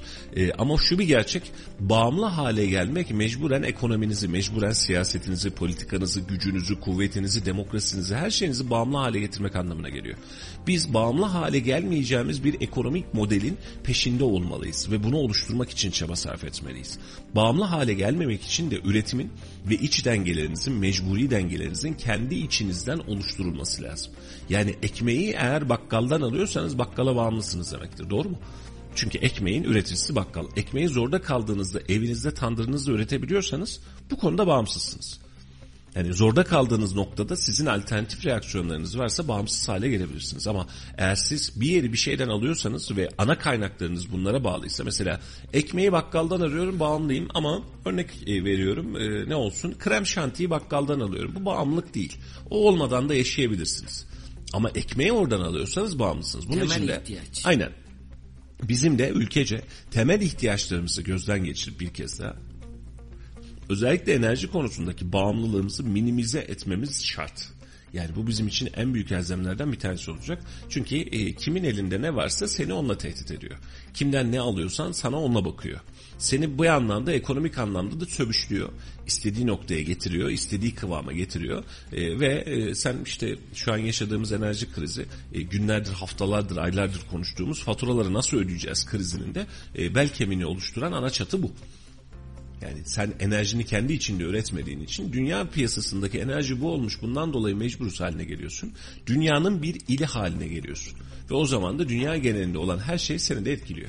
Mesela Kayseri'yi bağımsız olarak düşünebilir misin? Türkiye'den düşünemezsin. Bağımlısın abi. Yani oradaki enerji fiyatı Cumhurbaşkanı'nın açıklaması neyse seninle de aynısı geçerli. Şu an dünya düzeninde Türkiye'de bir vilayet haline geliyor. Diğer ülkeler için de aynısı geçerli. Enerji fiyatları arttı diyor. Hepimiz artıyor. Geçmiş olsun. Çünkü kendi iç dinamiğin yok bu anlamda üretebileceğin. Ya biz Rusya'da yaşanan bir gelişmeyi yayınımızda konuşabiliyorsak Aynen. yani Derinden Türkiye bir- hissedebiliyorsak. Türkiye bir ili ise Kayseri'de bir ilçesi dünyanın şu an için. Aynen öyle. E, bu sancı, bu e, engameyi daha önümüzdeki günlerde çok fazla yaşayacağız gibi görünüyor. E, Türkiye gündemine ve Kayseri gündemine dönmek istiyorum ama an itibariyle Rusya-Ukrayna geriliminin belki de önümüzdeki bir ayın, e, iki ayın belki de en çok konuşacağımız malzemelerden birini olacağını ve Ukrayna gerilimiyle kalmayacağını, başka aldı verdilere döneceğini ve çok fazla üzerinde tartışacağımızı e, bu dün itibariyle, dün akşam itibariyle çok daha rahat gördük. E, uzmanlar bunu belki bizden çok çok daha önce görüyordu ama biz uzman değiliz bu anlamda ama dün akşam e, açıklanan veri ve ortaya çıkartılan tablo şunu gösteriyor. E, dünyada yalnız başımıza ya da kendi içimizdeki dengelerle baş başa değiliz. Kendi dışımızda da dengeler var ve bunlar bizi çok fazlasıyla etkileyecek. Etkiledikten sonra da tabii ki biz de hem bunu petrol cinsinden hem altın cinsinden fazlasıyla hissedebiliyoruz. Tabii bu önümüzdeki günlerde daha da netleşecek. Bugün de açıklamalar gelecek. Hatta sabah saatlerine baktığımız zaman biraz önce Zelenski'nin de bir açıklaması vardı. Bu saatten sonra olacak şeyler bizi işgal ettiler. Bu bir ihlaldir. Olacak tüm sorumluluk Rusya'ya aittir gibi açıklamalar var. Gün boyu da açıklamalar gelecek. Türkiye'nin net bir tavrı vardı bu konuda. Onu da hatırlatmış olalım. Dışişleri Bakanlığı'nın yaptığı açıklamada Ukrayna'yı Rusya'nın bu tutumundan vazgeçmesi gerektiği ve Ukrayna'nın yanında olduğu konusunda çağrılar da yapıldı Dışişleri Bakanlığı'ndan. Gün içinde de biz bu konuda açıklamalar gelmesini bekliyoruz. Hakkımız hayırlısı inşallah. Yani Amin. e, birkaç gün sonra tablo birazcık daha şu bulanıklığın üzerinden atmaya başladığında zannedersem daha net e, telkinlerle, daha net tespitlerle konuşabileceğiz. E, inşallah e, sonumuz e, ülkemiz için menfaatli olan sonlardan bir tanesi olur. Menfaatli olan kazanan taraf biz oluruz. Türkiye ve Kayseri gündemiyle yavaş yavaş devam edelim. Eğer gündemde e, bizim e, ülkemizde olan şeylere de yer kaldıysa Melih'ciğim. Evet dün gidelim Kayseri gündeminden başlayalım. Bir Kayseri gündeminden bir de Türkiye gündeminden sıralı bir şekilde anlatmaya çalışalım. Dün e, Kayseri genelinde de konuşulan bir konu vardı. Develi'de, buna, e, Develi'de devlet hastanesi açıldı. E, milletvekili İsmail Tamer inşaat sırasında verdiği bir söz vardı. Dedi ki yapımı tamamlanan Develi Devlet Hastanesi'nde ilk ameliyatı ben yapacağım demişti. Dün de ilk ameliyatta yapılmış oldu. İl Sağlık Müdürü katıldı.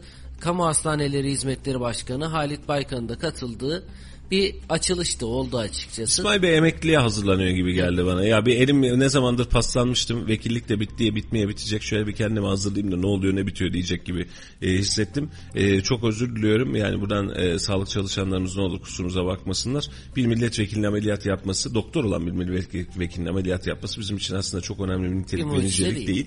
E, ama gündemdir. E, Develi'deki hastanemiz hayırlı olsun. Bunun için geçilmiş. E, buranın PR'ini yükseltmeye çalışılan bir haber. E, ben değerlendirirken tabii başlığı öyle atmadık ama yani emekliye hazırlık çalışması gibi geldi. Yani ben mesleğe döneyim yeniden doktorluk iyi işmiş ya. Ben unutmuşum yıllardır yapmaya yapmaya filan diye. E, Tamer Bey bir elinin e, kirini atmış bir paslarını dökmüş herhalde e, birazcık e, öylelikle çıktı işin içerisinden. Gördüğümüz tablo bu.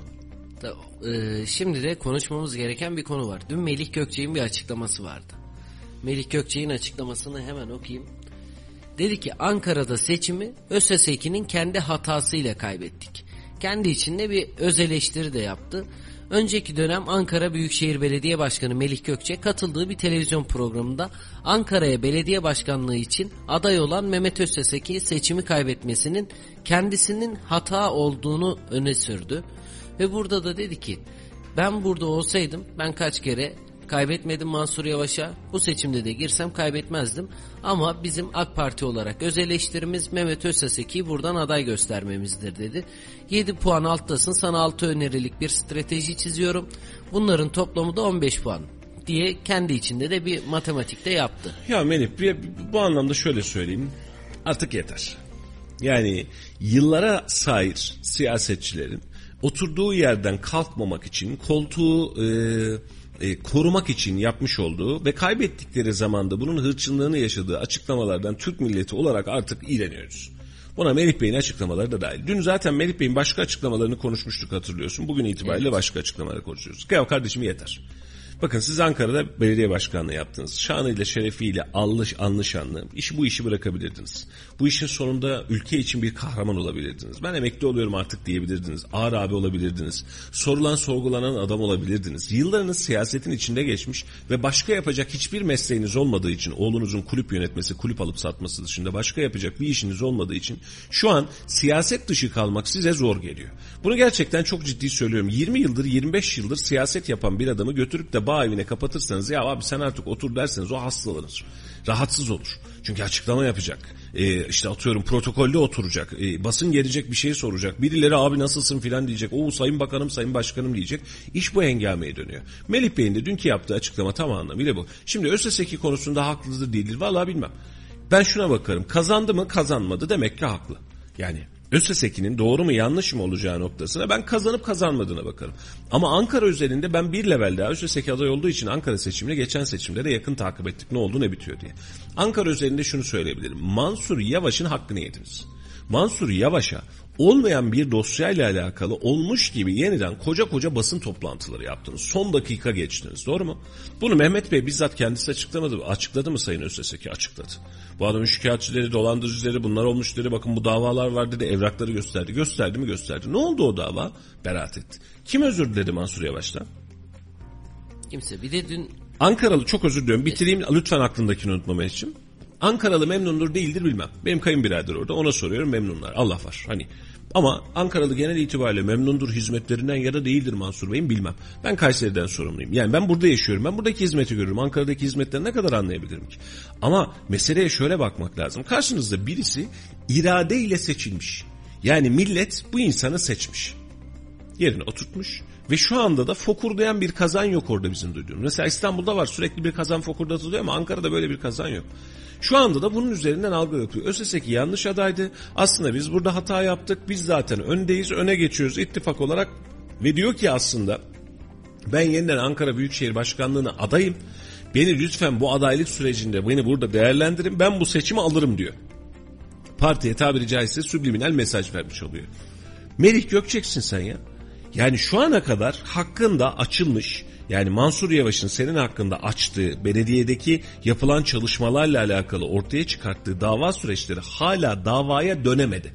Adliyede bekliyor. Hani bak dosya var hazırlanmış birileri şikayetçi olmuş. Ki şikayetçi olan kim? Ankara Büyükşehir Belediye Başkanlığı. Diyor ki bununla alakalı suç duyurusunda bulunuyorum. Burada bir suç var diyor. O suç duyuruları hala dosyaya dönememiş. Makam aracını daha geçen gün teslim edebilmişim. Yapmış olduğun dinozorlar ve koca koca parklar çöp olmuş.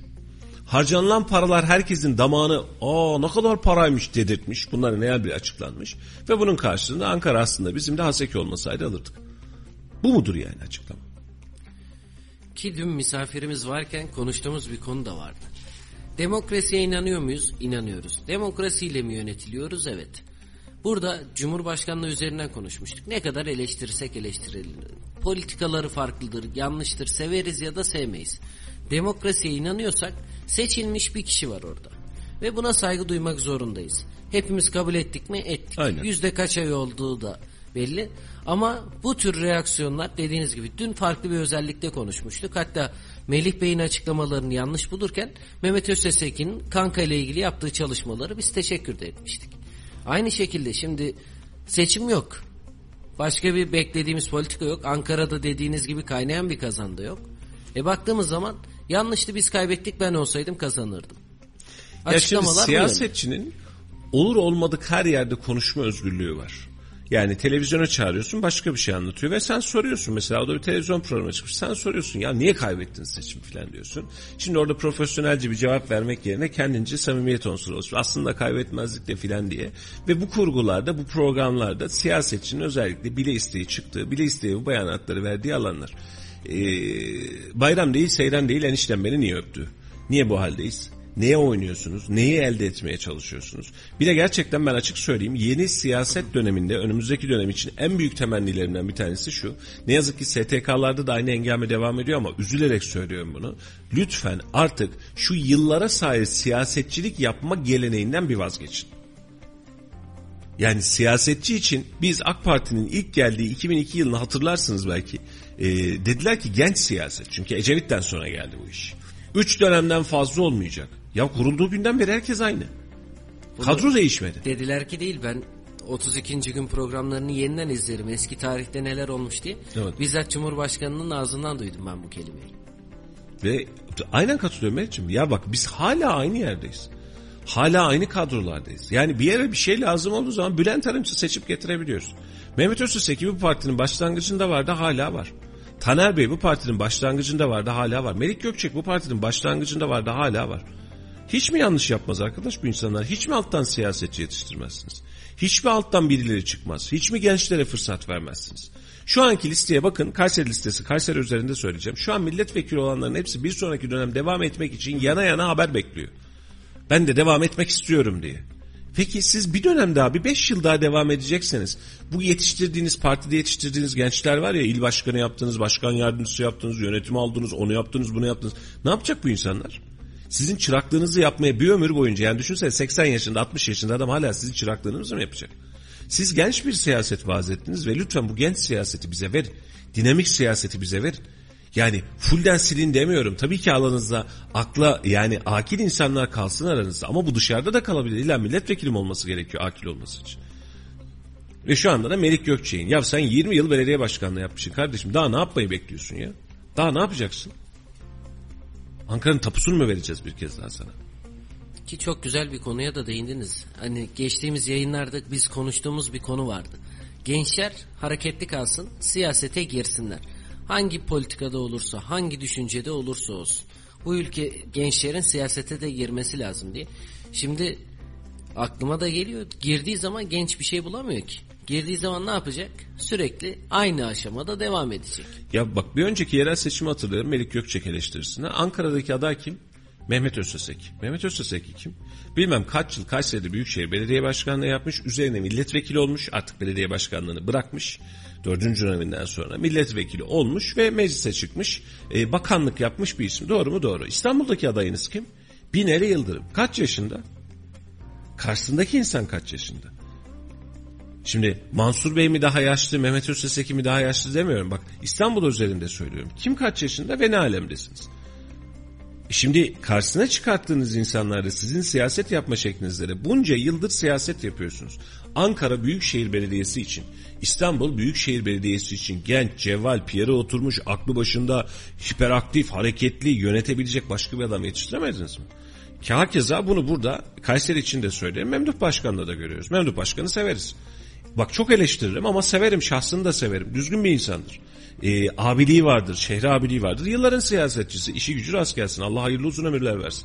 Ama bu yaştaki insanı Büyükşehir Belediyesi yapmak mıydı gündem, gündemimiz? Genç bir insan gelemez miydi? Gelemez miydi? Ya da Mustafa Çelik devam edemez miydi yani mesela bir dönemde? Başka bir şeyini mi gördünüz? Ortada başka bir şey mi vardı? AK Parti siyaseti ne yazık ki kendi oluşturduğu, kendine ait, kendine has, çok özür dilerek söylüyorum, dinozorlarıyla diyeceğim, hayatına devam etmeyi tercih ediyor. Ve onun sonrasında da biz hızlı aksiyonlar, hızlı reaksiyonlar bekliyoruz hızlı aksiyon, hızlı reaksiyonu ya da yeni bir ufku, yeni bir dünyayı 80 e, yaşındaki bir insanın 70 yaşındaki bir insanın görmesiyle 40 yaşındaki bir insanın görmesi birbirinden farklıdır. 35 yaşındaki bir insanın görmesi birbirinden farklıdır. E bunu niye yapamadık? Aman ne gereği var? Bilen olsun. Ki çok kaliteli insanlar var. Benim tanıdığım da işlerinde. Hı hı. Yani genç, atik, cevval diyebileceğimiz böyle insanlar ve önü kesince ben de üzülüyorum. Yani gerçekten bir genç olarak da tamam siyasete girelim. Gençler siyasete girsin, siyaset yapsın.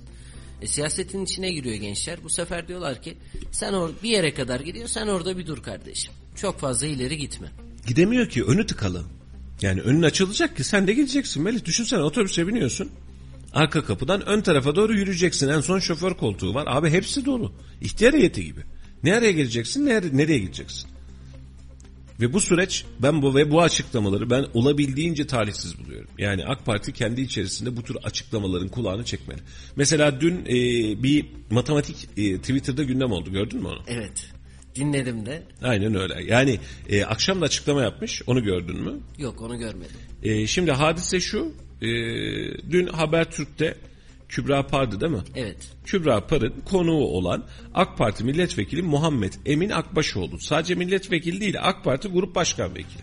Dün şeyde çıkıyor, televizyonda çıkıyor. Diyor ki efendim şimdi e, enerji krizi bizle alakalı değil, tek başına biz değiliz. Bakın Avrupa'da sıkıntıda. Tabii ki kendisi o kadar fazla inanmış ve üzerine gitmiş ki diyor ki Avrupa'daki krizde diyor bakın diyor %6, %7, 6-7 kat enflasyon var. 150 euroya dolan poşet artık 700 liraya doluyor, doluyor diyor. Kübra Parda diyor ki efendim %5, %6 öyle yapmaz olur mu diyor ya %5 de bile yapsanız bu rakam çıkar diyor. Efendim öyle olmaz. Bakın sosyal medyada gündem oluyoruz. Hayır efendim diyor aslında ben Fransa'daki arkadaşlarımızdan dün tüm gün Twitter'ın gündemi Rusya-Ukrayna hadisesine kadar buydu. Matematik diye bir Aynen öyle matematik diye bir hashtag açtılar. Şimdi bu abimiz bu yayına çıkmadan önce kendisi buna inanarak çıktıysa ve bu algıyı kendisi hükmetmek adına bunu kurguladıysa gerçekten üzüldüm ya. Ben ülkem adına üzüldüm ya. Yani bize dönüp dolaşıp aynı hadiseyi veriyorlar. Orada da enflasyon var. Orada da yedik yüzde birdi yüzde yedi oldu. Yedi kat enflasyon var. Etmeyin kurban olayım ya.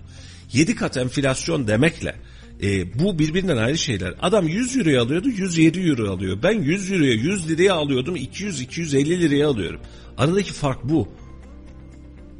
Ve bunu görmeyecek kadar ve ısrarla hala bunu savunabilecek kadar önemli. Dün bu açıklamanın sehven olduğunu, yanlışlık aslında hedefin başka olduğunu anlatmaya çalıştığını belirtir bir açıklamayla da kendini yeniden savunmaya çalışmış.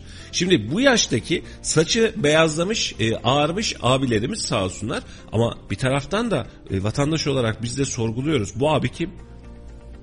Ve niye böyle bir açıklama yapar? Niye televizyona çıkar? Hadi çıktı niye böyle bir açıklama yapma ihtiyacı hisseder? Hatırlıyorsun Baştan beri şunu söylüyoruz. Milletin aklıyla lütfen dalga geçmeyin. Milletin aklını lütfen zorlamayın. Yani ben bunu vekillere de söyledim aynısını. Her taraf için. Ya millete hiçbir şey yokmuş gibi davranmayın. Yokluğu, insanların çektiği sıkıntıları lütfen fark edin ve onların yanında olun. Bir şey yapamıyorsanız da yanınızda olun. Ama şu an itibariyle aslında enflasyon yok. Aslında Avrupa'da da böyle. Avrupa bizi kıskanıyor havasından bir türlü düşemedik. Dün de Twitter'da müthişti yani. 700 euro diyor sen şunu şunu şunu yaparsın bir de Fransa'da üstüne bunu yaparsın İstanbul'a da bilet alır gelirsin diyor. 700 euroya 600 euroya araba resimleri paylaşmışlar. 2003 model, 2001 model, 2005 model arabalar paylaşmışlar. Bak 700 liraya burada bunlar anlıyor. Sen neyin kafasını yaşıyorsun sayın vekil diye. Ve Kübra Par da inatla söylüyor. Bak ha ben efendim yanlış yapıyorsun. Yok yok diyor ya öyle diyor. Yüzde beş bile desen öyle olur diyor. Ki bunlarınki yüzde yedi diyor. Hani beş ile çarpıyor yedi ile çarpıyor. Olur mu? E, Valla normal sokaktaki insan bunu yapabilir de. Sokaktaki insan bunu yapabilir de bunu tutup da şeye alırsan e, grup başkan vekilini alırsam senin milletvekilini alırsan burada da abi bir, bir, bir ağzından çıkmadan önce bir kulağın duysun istersen derim. Şimdi yaşlı siyaset dediğim nokta bu. Yaşlıyı siyaset içerisinde bırakırsan karşına çıkacak tablo da bu. Ve bizim şu anki tüm ekonomik sancılarımızın içerisinde hala kabul edememe, hala hiçbir şey yok aslında tüm dünyada aynı şey var demeye devam etme sancısı bizim hastalığımız haline geldi. Mesela dün bu tweetin üzerine Twitter'da birazcık daha böyle bir dolandım ne oluyor filan diye bir arkadaş şöyle bir tweet yazmış. Demiş ki bizdeki X bir market sanal market olan bir market Fransa'daki şu market. Aynı gram ürünleri aynı gramajdaki ürünlerin en ucuzlarını seçerek aynı markaları bulmak zor. En ucuzlarını seçerek 28 ürünlük bir liste yapmış. Meriç'im. Bence çok önemli bir uygulamaydı o. Bir keşke aklımıza gelseydi biz haber ekibi olarak yapsaydık bunu. Çok başarılı. 28 ürün temel ihtiyaç maddeleri de dahil olmak üzere bir liste yapmış. Birini e, bizdeki Türkiye'deki sanal marketten listesine atmış. O ürünü de diğerinden listesine atmış. 70 küsür euro filan dedi yalan olmasın. Türkiye'deki fiyat 1100 lira tutan TL karşılığı. Fransa'daki fiyat 1008 lira.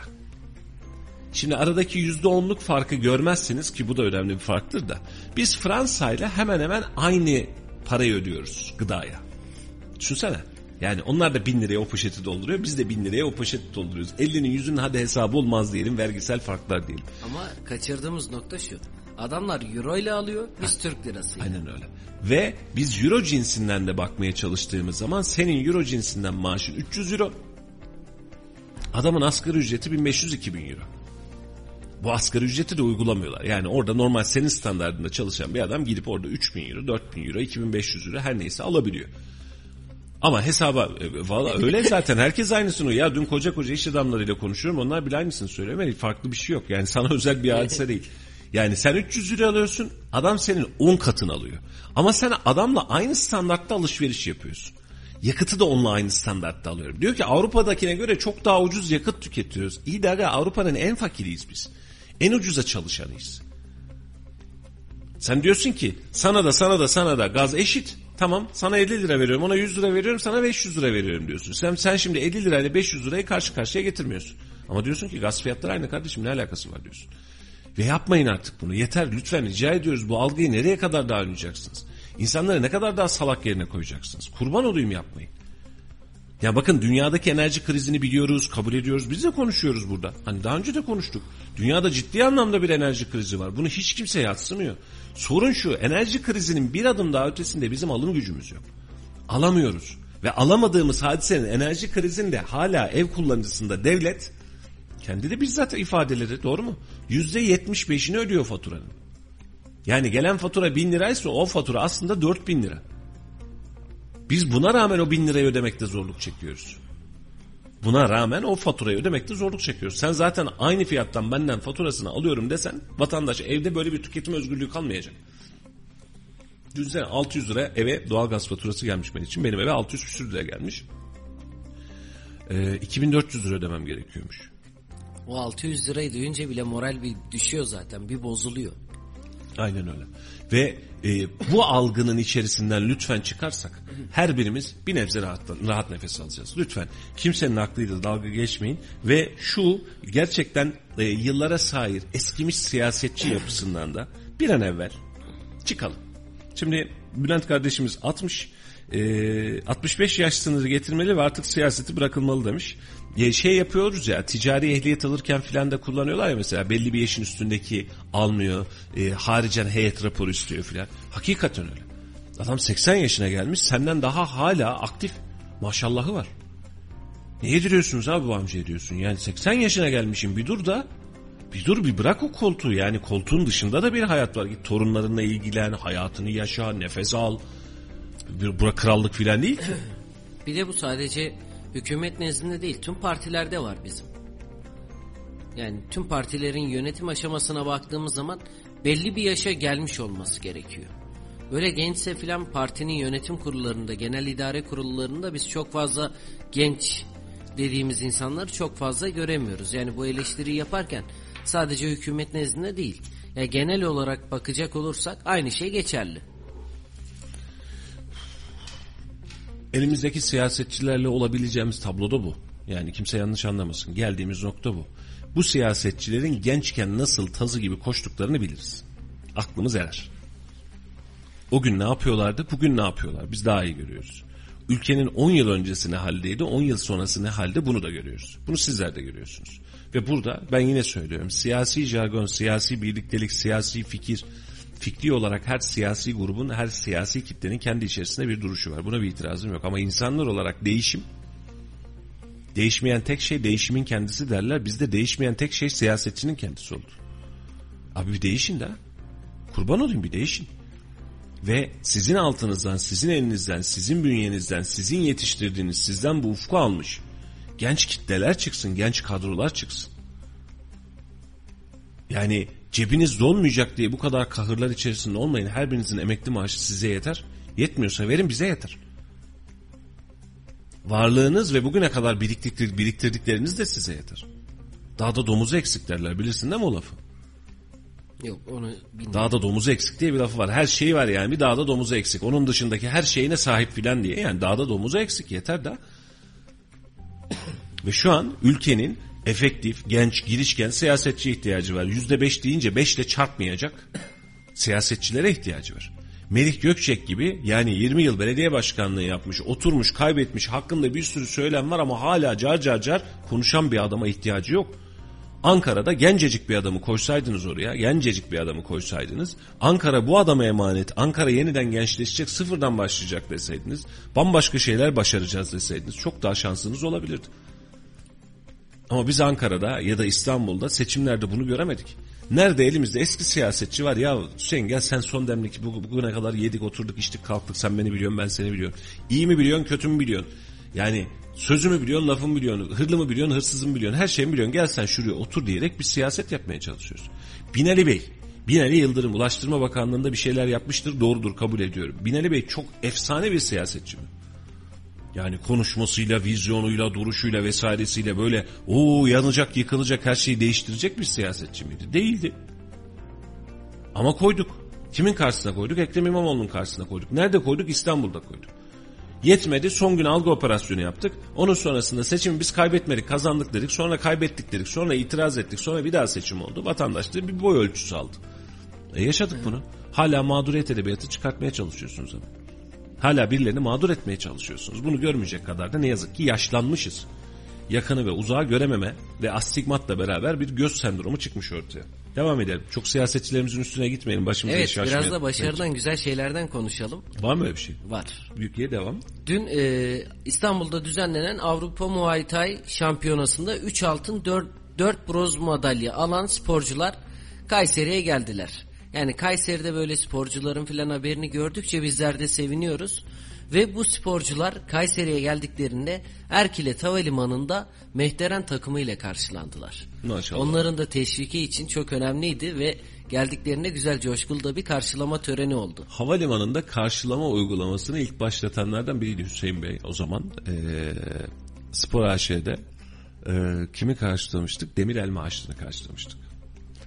Demir e, Mehteran takımıyla gencecik çocuklarla ellerde çiçeklerle herkesin gözleri doldu. Yani böyle bir milli duygu olmaz. Ama havalimanında karşılamak, sporcuyu karşılamak özellikle böyle başarılı sporcuları karşılamak onlar için çok ciddi bir motivasyon. Yapanların ellerine sağlık.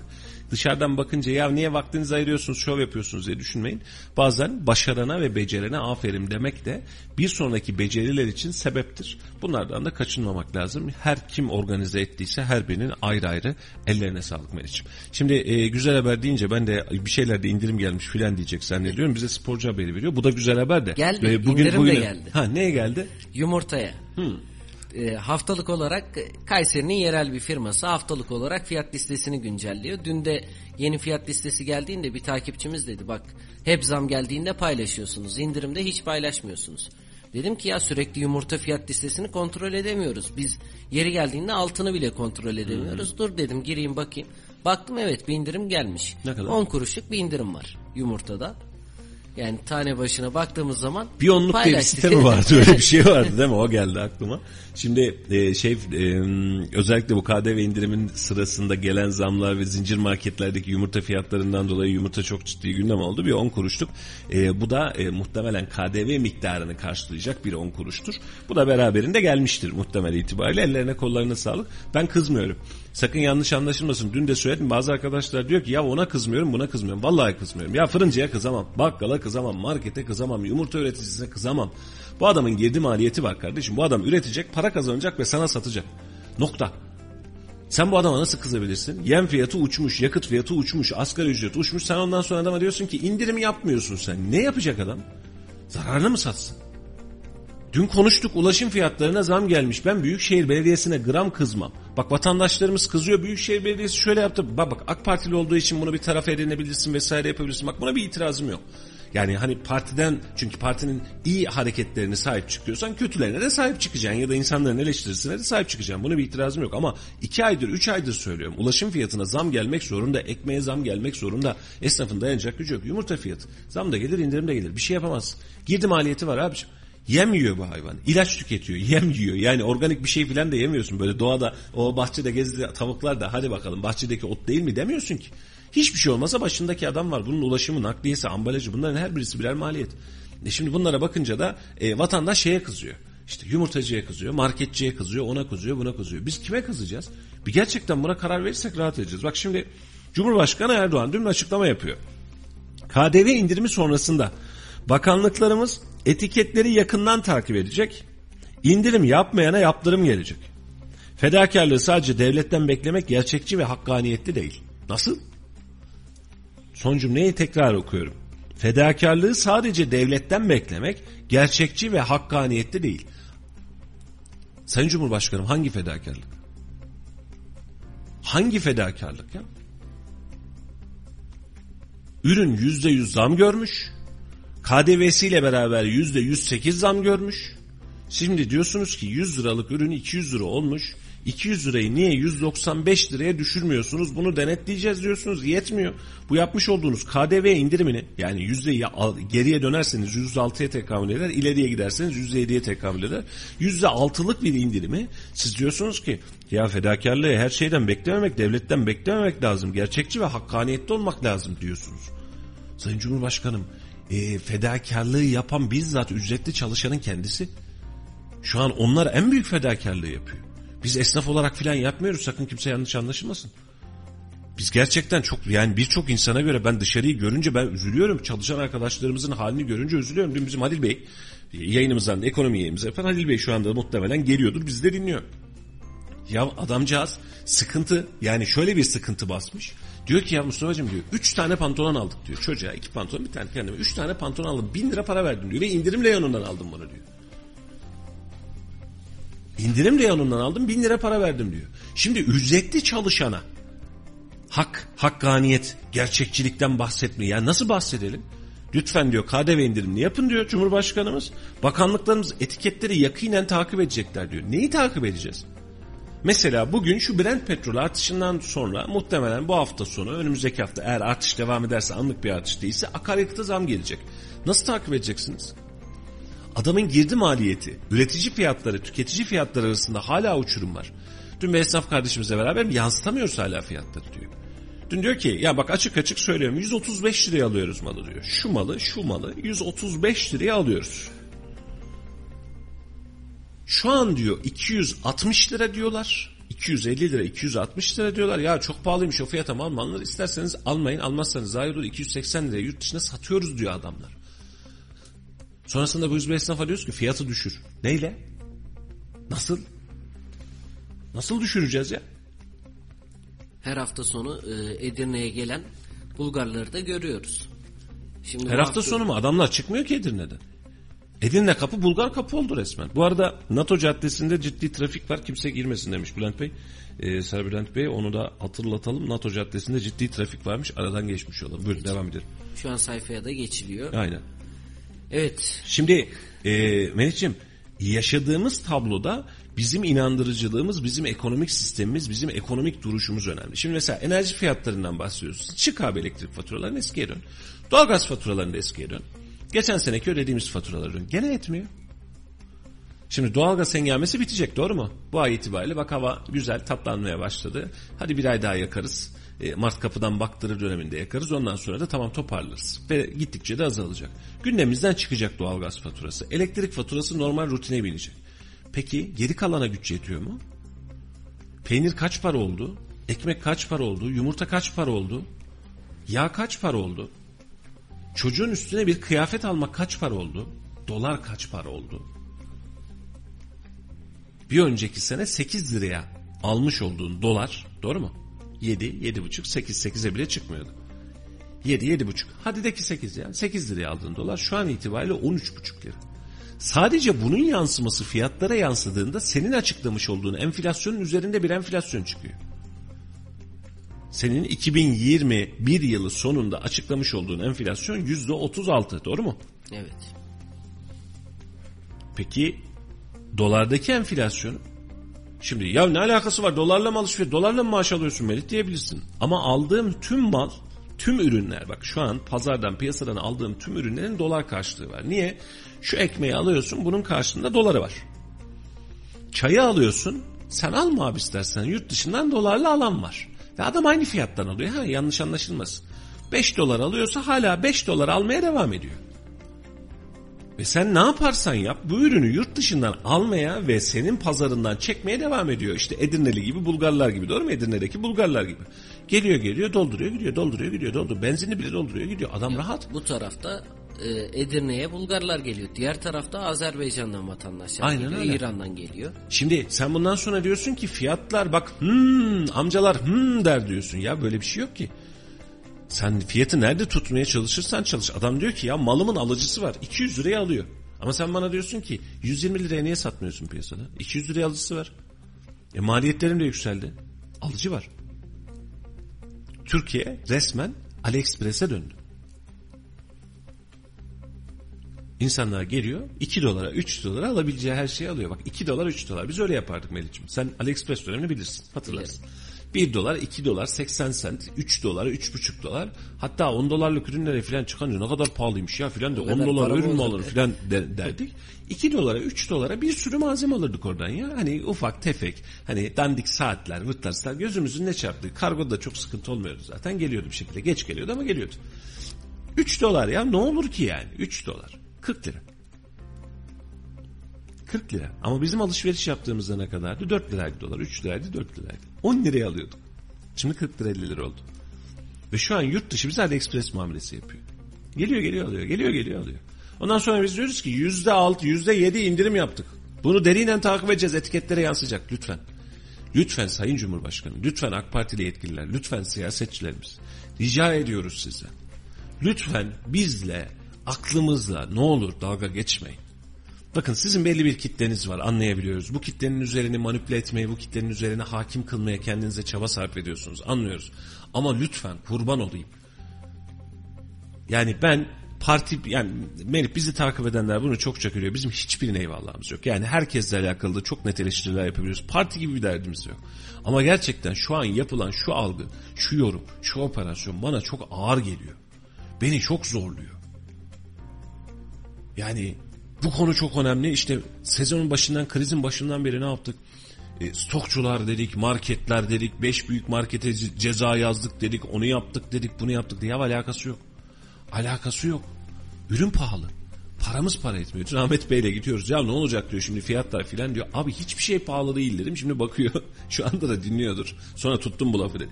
Hiçbir şey pahalı değil. Senin paran yok. Anladın mı? Hiçbir şey pahalı değil normalde. Her şey hayat çok güzel aslında. Senin paran yok. Dolara çevir aynı parayla alıyorsun aslında. Bak bir şey değişmedi. Geçen sene 80 liraya aldım. Bu, bu sene 150 liraya 130 liraya alıyorum. Doğru mu? 140 liraya alıyorum. 180 liraya alıyorum. Ya çevir dolara ya çok bir şey fark etmedi aslında. Dolar arttı çünkü. Bu ürün pahalı değil benim param yok. Ve şu an itibariyle %5 ile %6 ile tüm algımla oynayabiliyor diyor de, hükümet benim. Hmm, bakacağız bak hmm, denetleyeceğiz bak hmm, buna da gideceğiz diye. Bu noktaya geldik. Kurban olayım yapmayın. Bakın biz gerçekleri duymaya hazırız.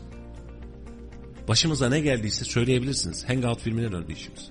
Başımıza şu ana kadar ne geldiyse gözümüzün görmediği biz hazırız söyleyin. Ama ne olursunuz. Bakın belli bir kitle buna inanıyor, bunun arkasından geliyor ama belli bir kitle sizin bu yaptığınız her açıklamadan sonra irite oluyor. Yapmayın.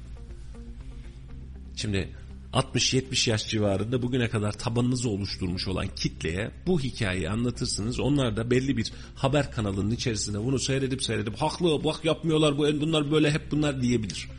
Ama bakın toplumun artık genel kısmı yapmıyor. Sokak röportajlarına çıkın yapmıyorlar bakın. Yapmayın.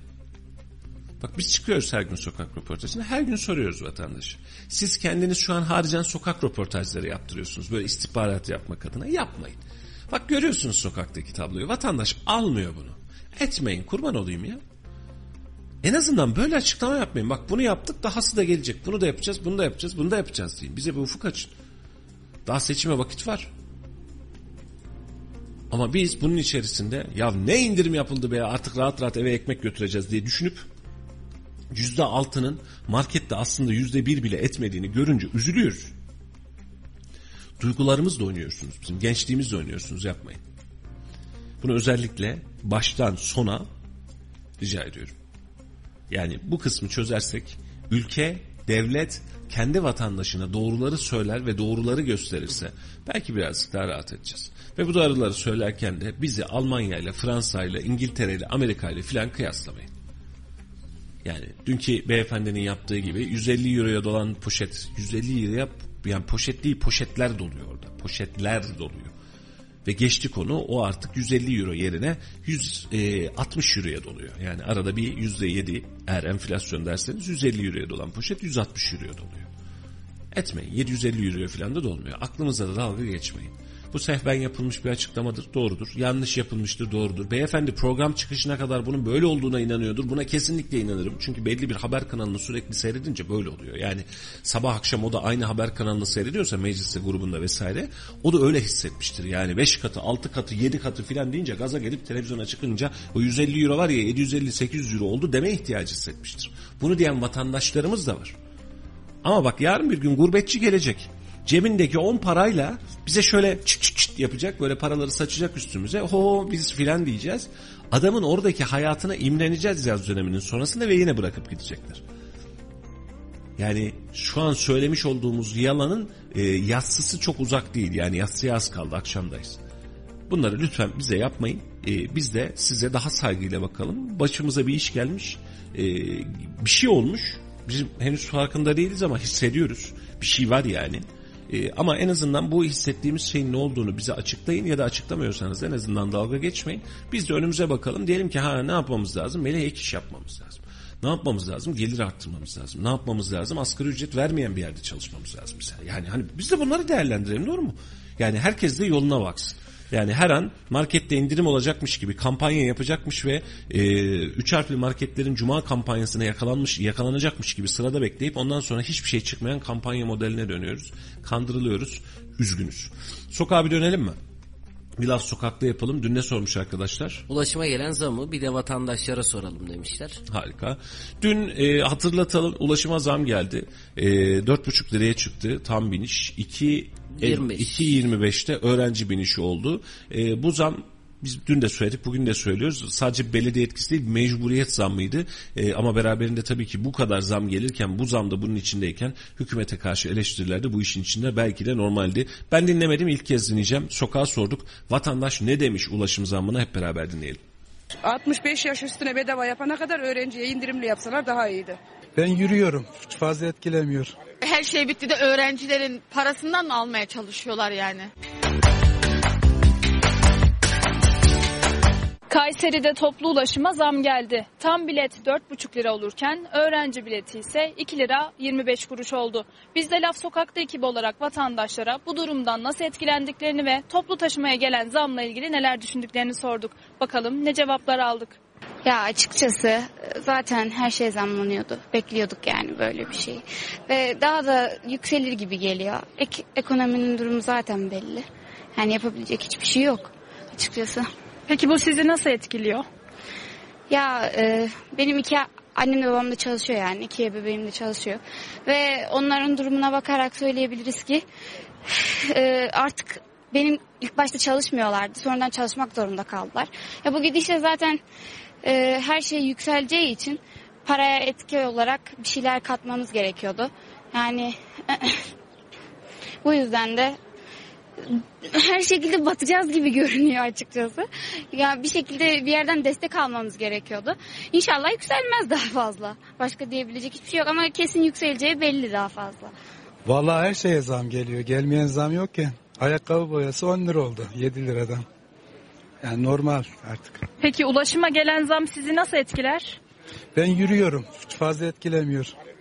Dışarıdan gelen öğrenciler için çok zor oluyor. Bir de burs alan öğrenciler için çok zor oluyor. Çünkü ben de dışarıda okuyorum ondan biliyorum. Her şeye zam geliyor. Bilete de getirmişler sağ olsunlar. Şimdi şöyle bir şey var. 25 kuruş anlamı ne öncelikle? Ve hani şimdi şöyle bir şey de var. Öğrenciyiz biz zaten. Biz illaki oradan oraya gittiğimiz oluyor. Günde yani 15-20'ye yakın geliyor. Aileye vursan daha fazla para alıyor. Yani hakkımız geçiyorsa ben asla helal etmiyorum. Ya Durum sizi nasıl etkiliyor? maddi olarak kötü etkiliyor tabii ki. Yani çünkü burada şimdi 25 kuruş diyorlar mesela. 25 kuruşun bile hani burada aileye vursan yine güzel bir para çıkıyor. Yani çok saçma. Çok saçma. Tamamen saçmalık olduğunu düşünüyorum. Bizim e, her şey bitti de öğrencilerin parasından mı almaya çalışıyorlar yani? Demek istediğim o. Yani kesinlikle saçmalık olduğunu düşünüyorum ve hani e, devletin hiçbir şekilde öğrenci dostu olmadığını düşünüyorum. E, biz zaten aldığımız 850 TL burs ya da kredi alıyoruz, mecburen alıyoruz. E, yani zaten bunu her hafta 5 gün diyelim çıksak dışarıya hesap yani zaten bütün para gidiyor. Bir kafeye gitsek zaten e, hesaplar hatta hesabı açmış. E, hiçbir şekilde yani öğrenci dostu olmadıklarını düşünüyorum. Yani çok üzücü şeyler bunlar. Öğrencilere ücretsiz olmasını isterim hatta yani çünkü öğrenciyiz sonuçta biz kendimizi geliştirmeye mi para harcayalım yoksa ulaşıma mı? Ulaşım bile bu şekilde bizi etkiliyorsa üzücü. Bu konuda çok güzel bir fikirlerim var çünkü ben işçi olduğum için beni bayağı bir etkilemeye başladı. Şimdi bu zamların neden yapıldığı zaten e, akıl edilmek mümkün değil. Kayseri e, Belediyesi tüm belediyelerin en zengin belediyesi denilmesine rağmen nedense Kayseri'de de böyle bir zamlar oluşuyor. Oluşmak da zorunda çünkü bu sistem e, nasıl diyeyim artık e, ulaşımdan haricinde biraz daha e, görüşelim. Bu sistem Türkiye'de tamamen kölelik sistemi getirilmeye çalışıyor. Neden? İşçileri sıkıp sıkıp çalıştırmak yoksa işçi bulamayacaklar. Yani burada bir Çin sistemi, Çinlerin yaptığı gibi işçilik çok ucuz olsun, işler çok olsun ama e, Çin'in sistemi bize uyması mümkün değil. Neden mümkün değil? Çünkü onların barınma sıkıntısı yok. Bizim barınma sıkıntımız var, eğitim sıkıntımız var, ulaşım bilhassa ulaşım sıkıntımız var. Bakın şimdi diyorsunuz siz ulaşıma zam geldi. Ee, yarın gelmeyeceğine malum bir daha. Onun için e, buradan sesleniyorum yetkililere lütfen Kayseri Belediyesi madem bu kadar zengin, bu kadar güçlü lütfen bu zamları geri çekelim. Bir baharlılıktan öldük gari. Ne yapacağız biz bunun? Sonu neye gelecek? Peki bu ulaşıma gelen zam sizi nasıl etkileyecek? E, etkiledi. Daha nasıl etkilesin? Para yetiştiremiyor. Yemeye, vermeye, almaya. Hasta sayrıyı doktora gidiyor, şuraya gidiyor, şuraya gidiyor. Gitmiyor paramız. Azıcık indirim yapsınlar. 65 yaş üstüne bedava yapana kadar öğrenciye indirimli yapsalar daha iyiydi. Öğrencilere daha e, yardımcı olmak lazım. Tabii Yani- öğrencileri daha çok etkileyecektir Ee, ya- bu yani- her gelen zam. Ee, Az Ya- da olsa çok da olsa öğrenciler dar gelirli. Mecburiyetten Öyle dışarı insanlar. çıkmak zorundalar. Ama bir 65 yaşındaki dışarı bir çevresindeki parka da gitse olur. Y- Şey yani daha çok çocuklara yardımcı olmak lazım gençliğe. Öyle düşünüyorum yani. Şimdi her gelen zam mutlaka ki muhataplarını olumsuz etkileyecektir. Şehir neticede bir sanayi kent ama dar gelirli yoksul insan çok. Dolayısıyla bunların e, bütçelerinde olumsuz etkileyecektir. E, bu aslında büyük bir sorun. Belediyeler buna mecbur kalıyorlar. Onun farkındayız ama sorun merkezi hükümetin politikasından ya da politikasızlığından kaynaklanıyor esasında. Petrolün bu denli artırılması sonucunda yerel yönetimlerde bunu fiyatlarına yansıyacaklar yani. Bakmayın siz İstanbul'da falan biraz e, farklı davranıyorlar. Aynı merkezi yönetime ait e, e, meclis üyeleri falan ama bizim burayı özelinde düşünecek olursak Kayseri özelinde halkın büyük bölümü yoksul. Kenar mahallelerde yoksulluk daha da e, had safhada. Bakın sokağa geziyor görüyorsunuz. İnsanlar hep gayesiz, mutsuz bir şekilde yürüyor. Başıboş kalabalık gibi yani. E, Dolayısıyla bunlara bu e, zam yani toplu taşıma ücretlerine gelen zam olumsuz etkileyecektir. Efendim sokağa da sormuş olduk. Sokakta ulaşım zammını değerlendirmiş oldu. Hepimize hayırlı uğurlu olsun. Ee, vatandaş tabii ki ister istemez fiyatlar konusunda, öğrenci fiyatı konusunda, 65 yaş üstü konusunda tepkilerini dile getiriyorlar. Biz de sokağa her sorduğumuzda istisnasız kim ne derse desin yayınlıyoruz. Küfür hakaret olmadığı sürece e, tam bir kamuoyu yoklamasını da gerçekleştiriyoruz. Bugün de arkadaşlarımız e, ulaşım zammını sormuşlar ve e, umarım yetkililer de gerekli notlarını bunlar almışlardır. Konuşulacak çok şey var aslında Kayseri gündeminde de konuşulacak çok şey var ama birazını da yarına bırakalım. E, dünya geneli e, Ukrayna krizi gündemimizi ve piyasamızı tamamıyla kitledi ve başka bir şey konuşamaz hale getirdi. Bir son dakika gelişmesi olarak vermek isterim. 97 doların üzerine çıktı Brent petrol. E, bu akış devam ederse ve inme eğilimine girmezse e, 100 dolarlara kadar bulabilecek bir petrol fiyatından ve bu hafta sonu itibariyle belki önümüzdeki haftaya dahi kalmadan e, 1 liranın üzerinde de yakıta gelebilecek zamlardan bahsedebileceğiz. Üzgünüz e, Rusya krizi şu an altın fiyatında da 1910 doları beraberinde Brent petrol fiyatında da 97 dolar 29 senti gösterdi. E, iyiye gitmiyor. İnşallah yarın hayırlı haberlerle aa kriz bitmiş dolar yeniden düşmüş her şey yoluna girmiş diye bir e, haber verme ihtiyacı hissederiz, yaşarız. Ne diyelim? Temennimiz o olur. Bugün de dünya gelişmelerini, Türkiye gelişmelerini ve Kayseri gelişmelerini sizlere aktarmaya çalıştık. Hafta içi her sabah 7 ile 9 arasında Yol Açık programında sizlerle birlikte olacağız. Sosyal medya hesaplarımızdan da Radyo Radar 918 hesabımızdan sizlere canlı olarak e, günü gündemi değerlendirmeye devam ediyoruz. Yarın aynı saatte görüşünceye dek hoş kalın, hoşça kalın. Hoşça kalın.